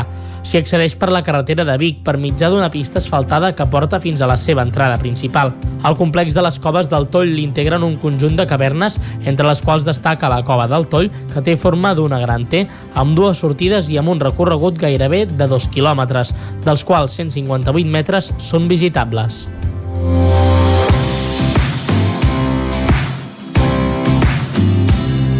Territori 17. Ja hi has anat, Vicenç, a les coves del Toll? No, la veritat és que no, i mm. és interessant tot el que doncs, s'ha anat descobrint amb el temps en aquest entorn moianès. Uh, molt aconsellable, tot i que aquest cap de setmana, si no som del Moianès, ens n'haurem d'estar, això és Exacte. evident. Però bé, ens ho apuntem a l'agenda, va. On sí que podem anar és amb tren, no? Amb tren hi podem anar per la nostra comarca. també, també, clar, també és cert.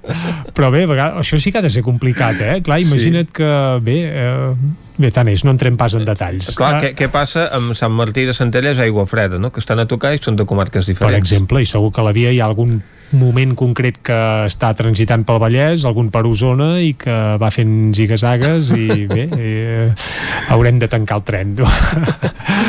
Anem a la Trenc d'Alba? Anem-hi. Anem-hi, va. A Trenc d'Alba, edició pandèmia. Ara sense els usuaris que ens explicaven les seves desgràcies a la R3, però amb els mateixos retards i problemes de sempre.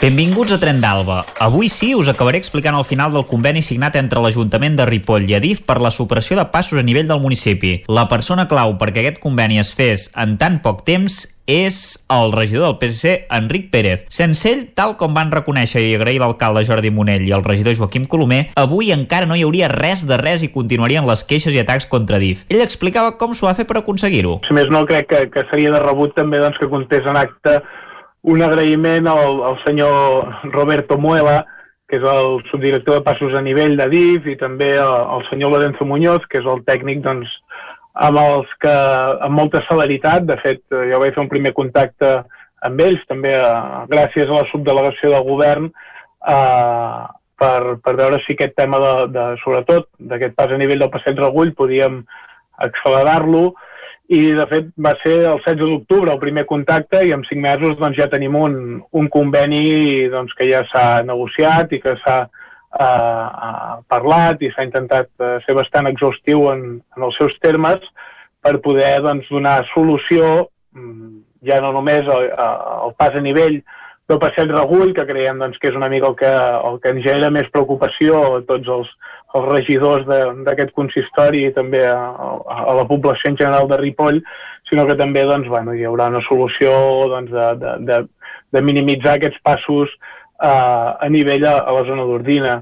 I de fet penso que és bo d'agrair-ho perquè ho han posat fàcil, sobretot a nivell de finançament. En aquest sentit doncs, parlem d'una actuació de 690.000 euros, de les quals, com a molt, l'Ajuntament hi haurà de posar 15.000 euros.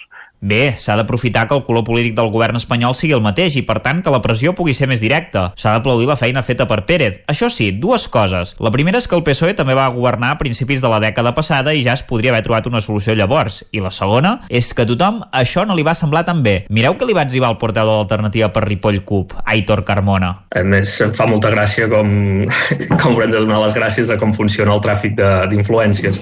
Uh, una mica el, el funcionament del govern del govern d'Espanya i, de, i del PSOE, que no va per necessitats, sinó, sinó per si saps uh, o, o tens el- l'interlocutor que, que toca. Pérez va replicar que per aconseguir les coses s'hi han de dedicar hores i que no es tracta de fer partidisme, sinó de fer la feina. Ja veieu que DIF i els trens enerven a qualsevol. Va, ens retrobem dilluns amb més històries del tren i de la R3.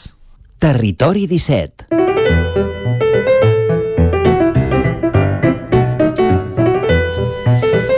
I deixem els temes ferroviaris i anem ara als temes gastronòmics. Vicenç, avui anirem cap a una codinenca, oi? Oh, i tant que sí, perquè, mira, Jordi, una codinenca fa anys que té un monaire que dona una mona a un programa de la casa, el tal com raja. Monaire, n'has dit, eh? Sí, sí, un Que- monaire. Que bonica, aquesta paraula. És un senyor que fa mones. Molt bé, molt bé.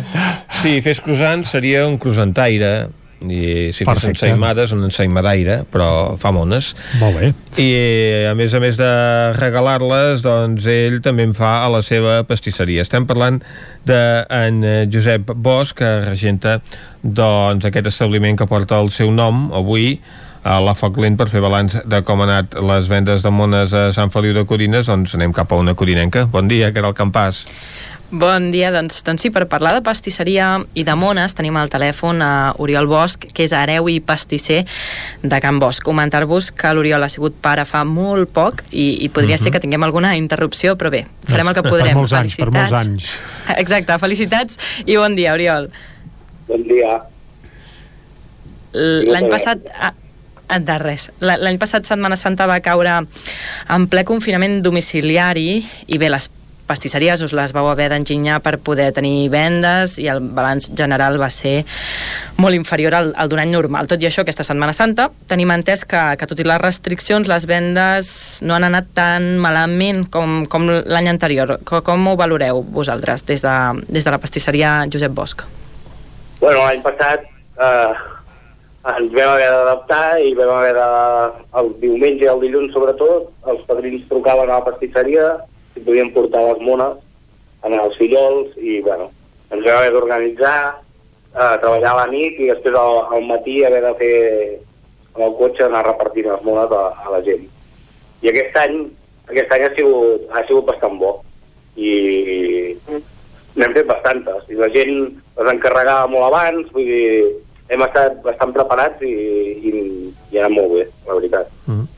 I ara hi torna a haver confinament comarcal, però durant la Setmana Santa doncs, hi havia llibertat de moviments a l'interior de Catalunya. No sé si heu tingut també moltes vendes aquest any de persones de fora del poble. Bueno, la gent que té, que té casa a segona residència aquí a Sant Feliu sí que, sí que els hem, els hem, o sigui, els hem atès i els hem, els hem vengut les mones. El que passa que a principi de setmana, quan van obrir, ens va fer una mica de por, perquè, clar, la gent tants dies tancada ens pensava que Feliu que quedaria buit, perquè la gent té ganes de marxar, i al final no, no. Uh, ha anat molt bé, i sí, el que dius de les segones residències, els dilluns ja marxaven, però ja ho van celebrar el diumenge, com que són tants dies, ja va estar repartit. Al final, la, les vendes doncs, d'aquesta passada Setmana Santa es podrien equiparar a les d'un any normal o, o no ha arribat a un nivell doncs, tan elevat? Uh, a veure, un any normal. És que clar, portem dos anys que ja no són normals. Uh, sí, sí, aquest any ha sigut bastant normal. Sí que fa dos, tres, quatre anys, potser el, les mones de, de, de, les de xocolata, les figures de xocolata, potser sí que en havíem fet alguna més, però aquest any, per exemple, a molt al principi de setmana ja, ja s'havien vengut quasi totes. Uh, sí, jo crec que sí, que es pot equiparar més o menys a un any normal. Uh -huh. Venint de l'any passat, sí. Perquè eh, s'han venut mones grans o, o potser més de tamany reduït a conseqüència de que no es podien reunir totes les famílies senceres?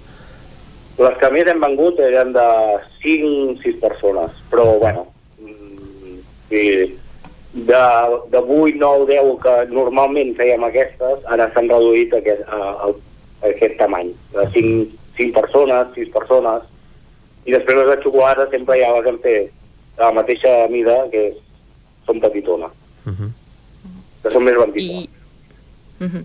I qui- quines temàtiques ha, han tingut més èxit? Perquè el vostre aparador de Pasqua 2021 s'hi podia veure doncs, des de la Peppa Pig, la Hello Kitty, el Mickey Mouse...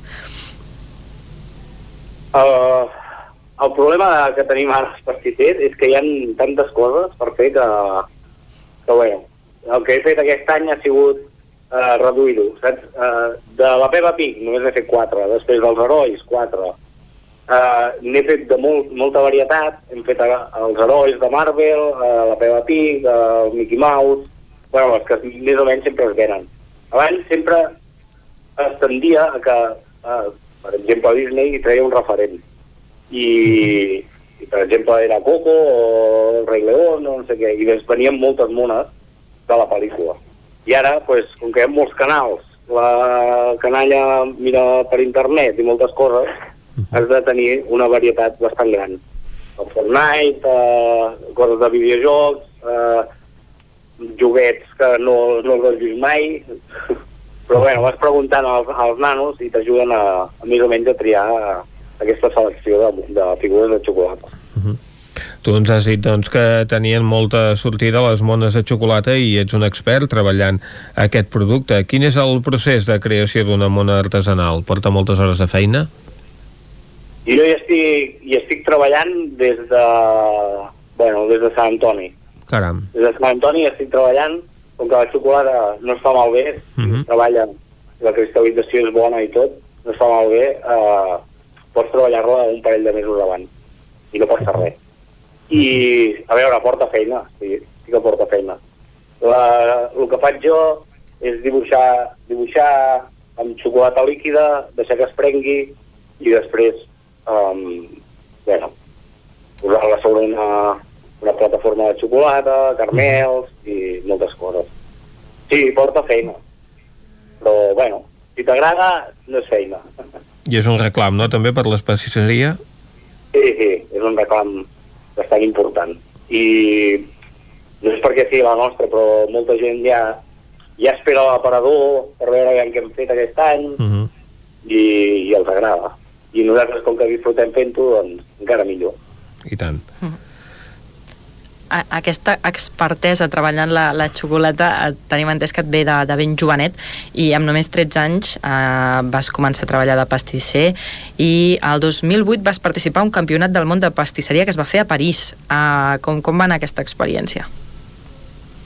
Bueno, érem bastant joves i, i, i ja ho diuen, l'experiència és un grau i ens va faltar una mica d'experiència. Però bueno, anàvem molt ben classificats, eh, vaig anar amb una noia de Madrid a participar-hi perquè era un campionat del món mixta.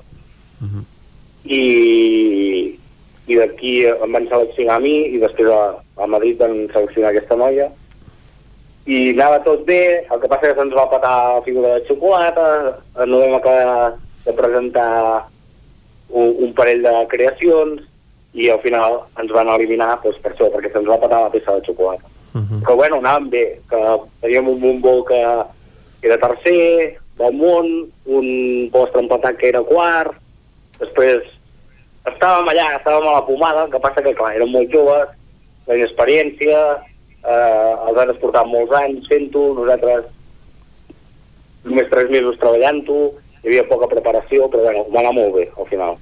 Molt bona experiència i potser en aquells tres mesos vaig aprendre més que en molts anys del gremi. Uh -huh. I tant que sí. Parlem ara de, dels eh, productes que teniu eh, durant eh, tot l'any. Quin seria el producte estrella de la vostra pastisseria? El producte estrella, a veure, uh -huh. en tenim bastant. els codinets, eh, surten molt, després carquinyolis, encara que els de Caldes es pensin que és de Caldes, els de Caldes no estan molt bé. Potser més bons i tot, no n'oblidem, això. Deu ser per l'alçada. Sí, sí, sí. I després la pasta seca, després els caps de setmana, sobretot, les bandes i les galetes amb fruita... Bueno, va sortint tot. Al final, si poses bon producte, eh, la gent els agrada. Eh, per, per anar acabant et volíem també comentar i preguntar el 2014 vau ser reconeguts mm, per la Generalitat per la trajectòria de més de 100 anys d'activitat inan- ininterrompuda i un servei de qualitat quina seria la, la clau de l'èxit? És el que et dic. Aviam, al final la pastisseria no, no té secret. És, és una fórmula matemàtica. Però si tu a la fórmula matemàtica hi poses el millor producte que puguis posar-hi, les coses surten bé i bones. I has de tenir bones fórmules i, i bon producte. Jo crec que no podem baixar el nivell del producte perquè després ens convertiríem, pues, no sé, en, si vols comprar unes magdalenes, les pots comprar en condis. Però si vols comprar magdalenes de qualitat has d'anar a una pastisseria. Doncs avui a la Foc Lent hem acabat parlant de matemàtiques amb l'Oriol Bosch, pastisser de Sant Feliu de Codines. Moltes gràcies per acompanyar-nos. A vosaltres, moltes gràcies. Amb ell hem fet eh, balanç de com ha anat una de les eh, jornades doncs, eh, del calendari pastisser de l'any, les mones de Pasqua. Ara nosaltres el que farem és repassar activitats que podem dur a terme aquest cap de setmana.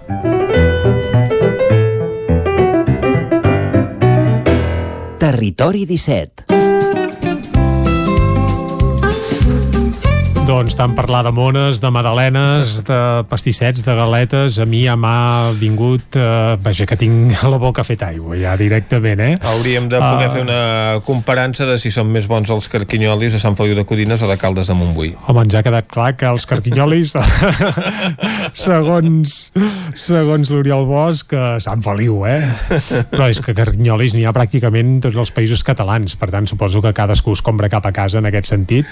Lo important és que siguin 嗯 tal com ens ha dit l'Oriol, fets amb productes de qualitat i si pot ser de pastisseria, més que millor. Per tant, aquest sí que carquinyolis a, a dalt de tot i on sigui. Però ara no parlarem més de, de gastronomia, sinó que el que hem de fer, com deies abans, Vicenç, és repassar l'agenda d'actes festius per aquest cap de setmana. Un cap de setmana... espera't que no ens surti la fira del carquinyoli per aquí Ah. al mig aquest cap de setmana. Vés a saber, vés a saber. N'hi ha, eh, de fires del Carquinyol i tant, que n'hi ha en algun racó de les nostres contrades, però crec que no seria el cas d'aquest cap de setmana.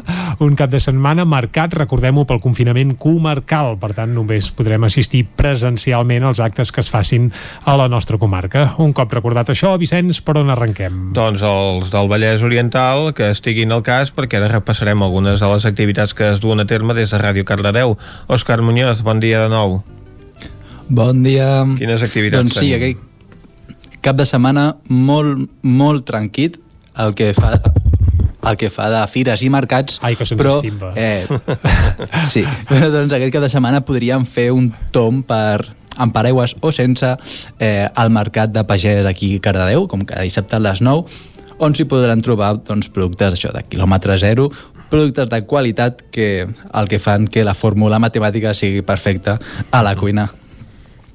I aquí a Cardedeu doncs, serà aquest, el, el mercat de pagès. Uh -huh. De Cardedeu anem a Granollers, on els clàssics mercats de divendres i dissabtes eh, doncs només es faran dissabte, aquest cap de setmana, i començarem a, a, a les 9 del matí amb el mercat de Brocanters durant tot el dia a la plaça Josep eh, Maluquer i Salvador i també al mercat d'artesans d'alimentació organitzat pel col·lectiu artesà de productes naturals a la plaça de les Olles, uh -huh. que avui hem trobat un, una dada curiosa, és que aquest mercat és el més antic d'aquí de Granollers Carai. i porten des de l'any 1985 hem organitzat-lo cada, cada setmana, o sigui, cada setmana, cada dia que toca. Doncs- Així que, doncs... Que no falti. Aquests tres mercats tenim per la zona. Molt bé, doncs, Òscar, moltes gràcies.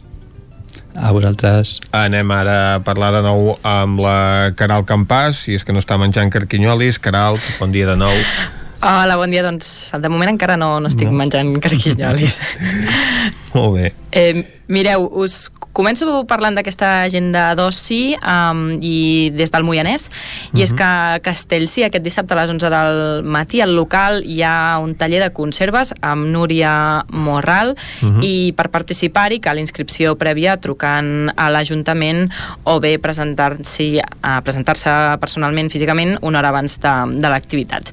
I l'endemà diumenge a Granera, també al Moianès, a les 11 del matí a, a Granera, des del Casal, hi ha la passejada mm, eh, de, tradicional de cada cap de setmana i a més a més es farà després un taller sobre plantes i receptes. Eh, són places limitades per participar-hi i cal inscripció prèvia també trucant a l'Ajuntament. Això per la gent del Moianès. I anem cap a Caldes de Montbui, um, també una activitat esportiva aquest dissabte, dia 10, a les 10 del matí, al pati de l'Institut Manologuer hi ha una masterclass de Zumba que organitza la- l'Associació de Catalunya contra el Càncer i, per tant, doncs, el preu de l'entrada, que són 5 euros, es destinarà a, doncs, a aquesta associació.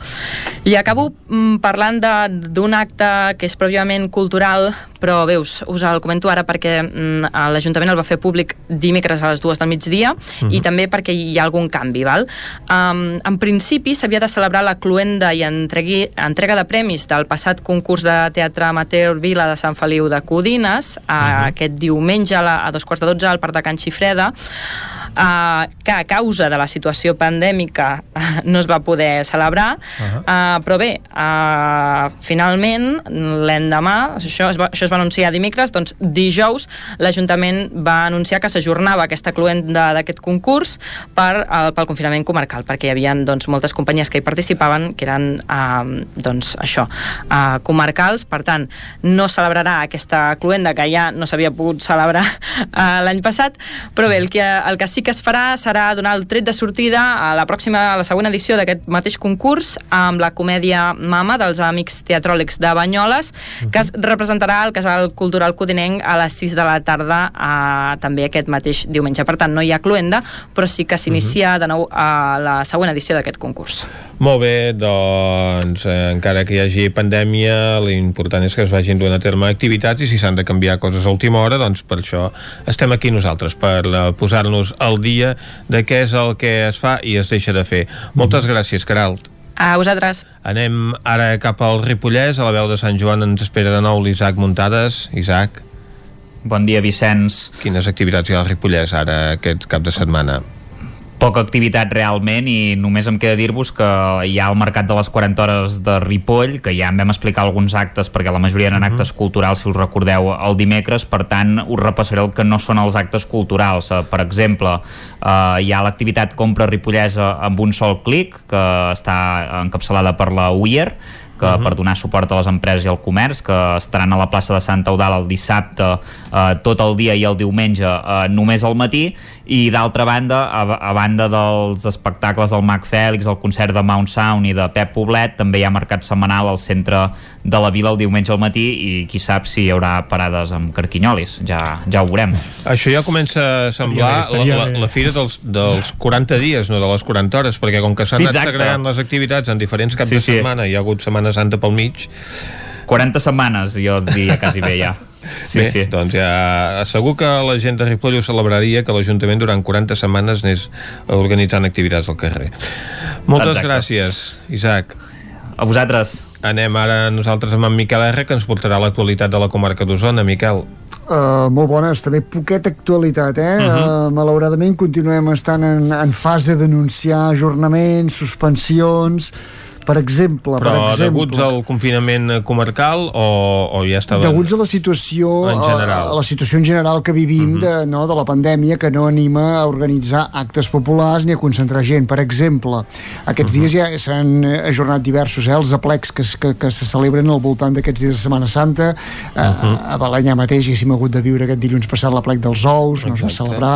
Uh, diumenge tocava un altre plec emblemàtic, el de Sant Sebastià, tampoc hi haurà plec, però sí que els administradors de, de, de l'ermita, eh, que està a cavall de Vic i Santa Eulàlia de Riu Primer, han organitzat com una jornada de portes obertes Mhm. i per tant de manera controlada des de les 9 del matí fins a les 6 de la tarda amb aforament limitat es podrà visitar com a mínim l'ermita, fer una visita diguéssim a l'interior de l'ermita i de pas contemplar el paisatge que no és poc I tant. Um, però ja dic, la plec pel, pel, que era la tradicional cantada de caramelles que hi tornava a haver-hi, la rossada i tot plegat, els sortejos, tot això també queda anul·lat.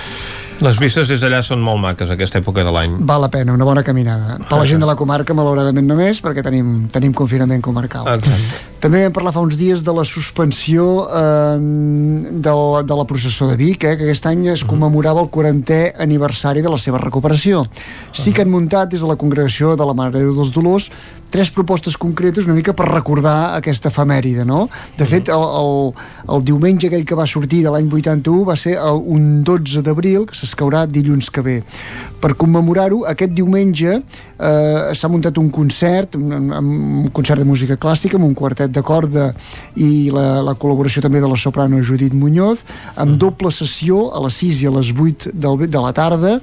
Recordem-ho, com que l'església és tan petita, l'aforament és tan limitat i queben just 40 persones, per tant, qui vulgui haurà de reservar entrades i córrer una mica perquè s'acabaran les entrades. Dilluns continuarà aquesta commemoració amb una xerrada a càrrec de l'historiador Joan Rosàs, que posarà una mica en context eh, les recuperacions que hi ha hagut també d'aquestes d'aquestes processons.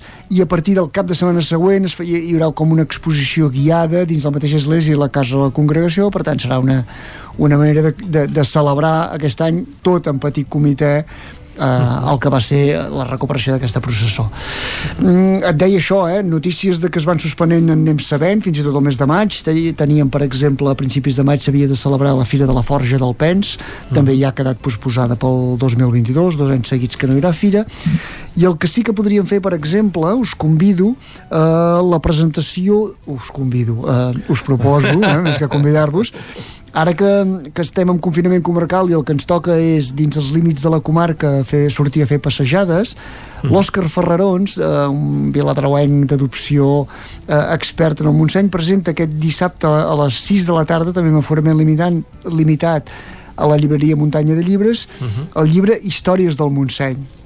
Ah, si no volem sortir de la comarca ens haurem d'agafar només la falda, la, la, la, la banda, la part usonenca del Montseny, que segur que hi ha coses per descobrir, i, i ja dic, en Ferrarons que és un expert coneixedor i que ja, ha fet, ja, ja porta sis o set títols sobre, sobre s'ha convertit en un autèntic especialista de, del massís presentarà uh -huh. aquest llibre a les 6 de la tarda pot ser una bona manera de ens pot donar segurament alguna pista per, per descobrir noves rutes aquests dies que portem tants dies no, a passejar una mica pel, pel nostre entorn immediat Exacte, i si més no per poder-les preparar de cara al futur quan hi hagi doncs, eh, menys restriccions de mobilitat fins aquí eh, les propostes que us, que us puc portar. La setmana que ve, aviam si la cosa es va obrir una mica més i us en puc portar alguna més. A veure, doncs, si es va animant la cosa a mesura que ens acostem a Sant Jordi.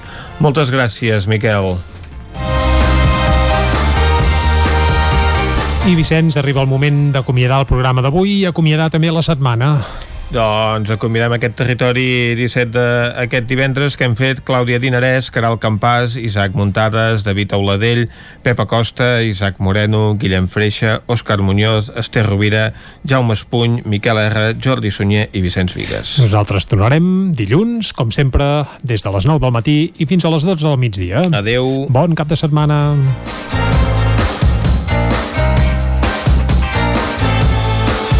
Territori 17 un magazín del nou FM. La veu de Sant Joan. Ona Codinenca. I Ràdio Cardedeu amb el suport de la xarxa. El nou FM.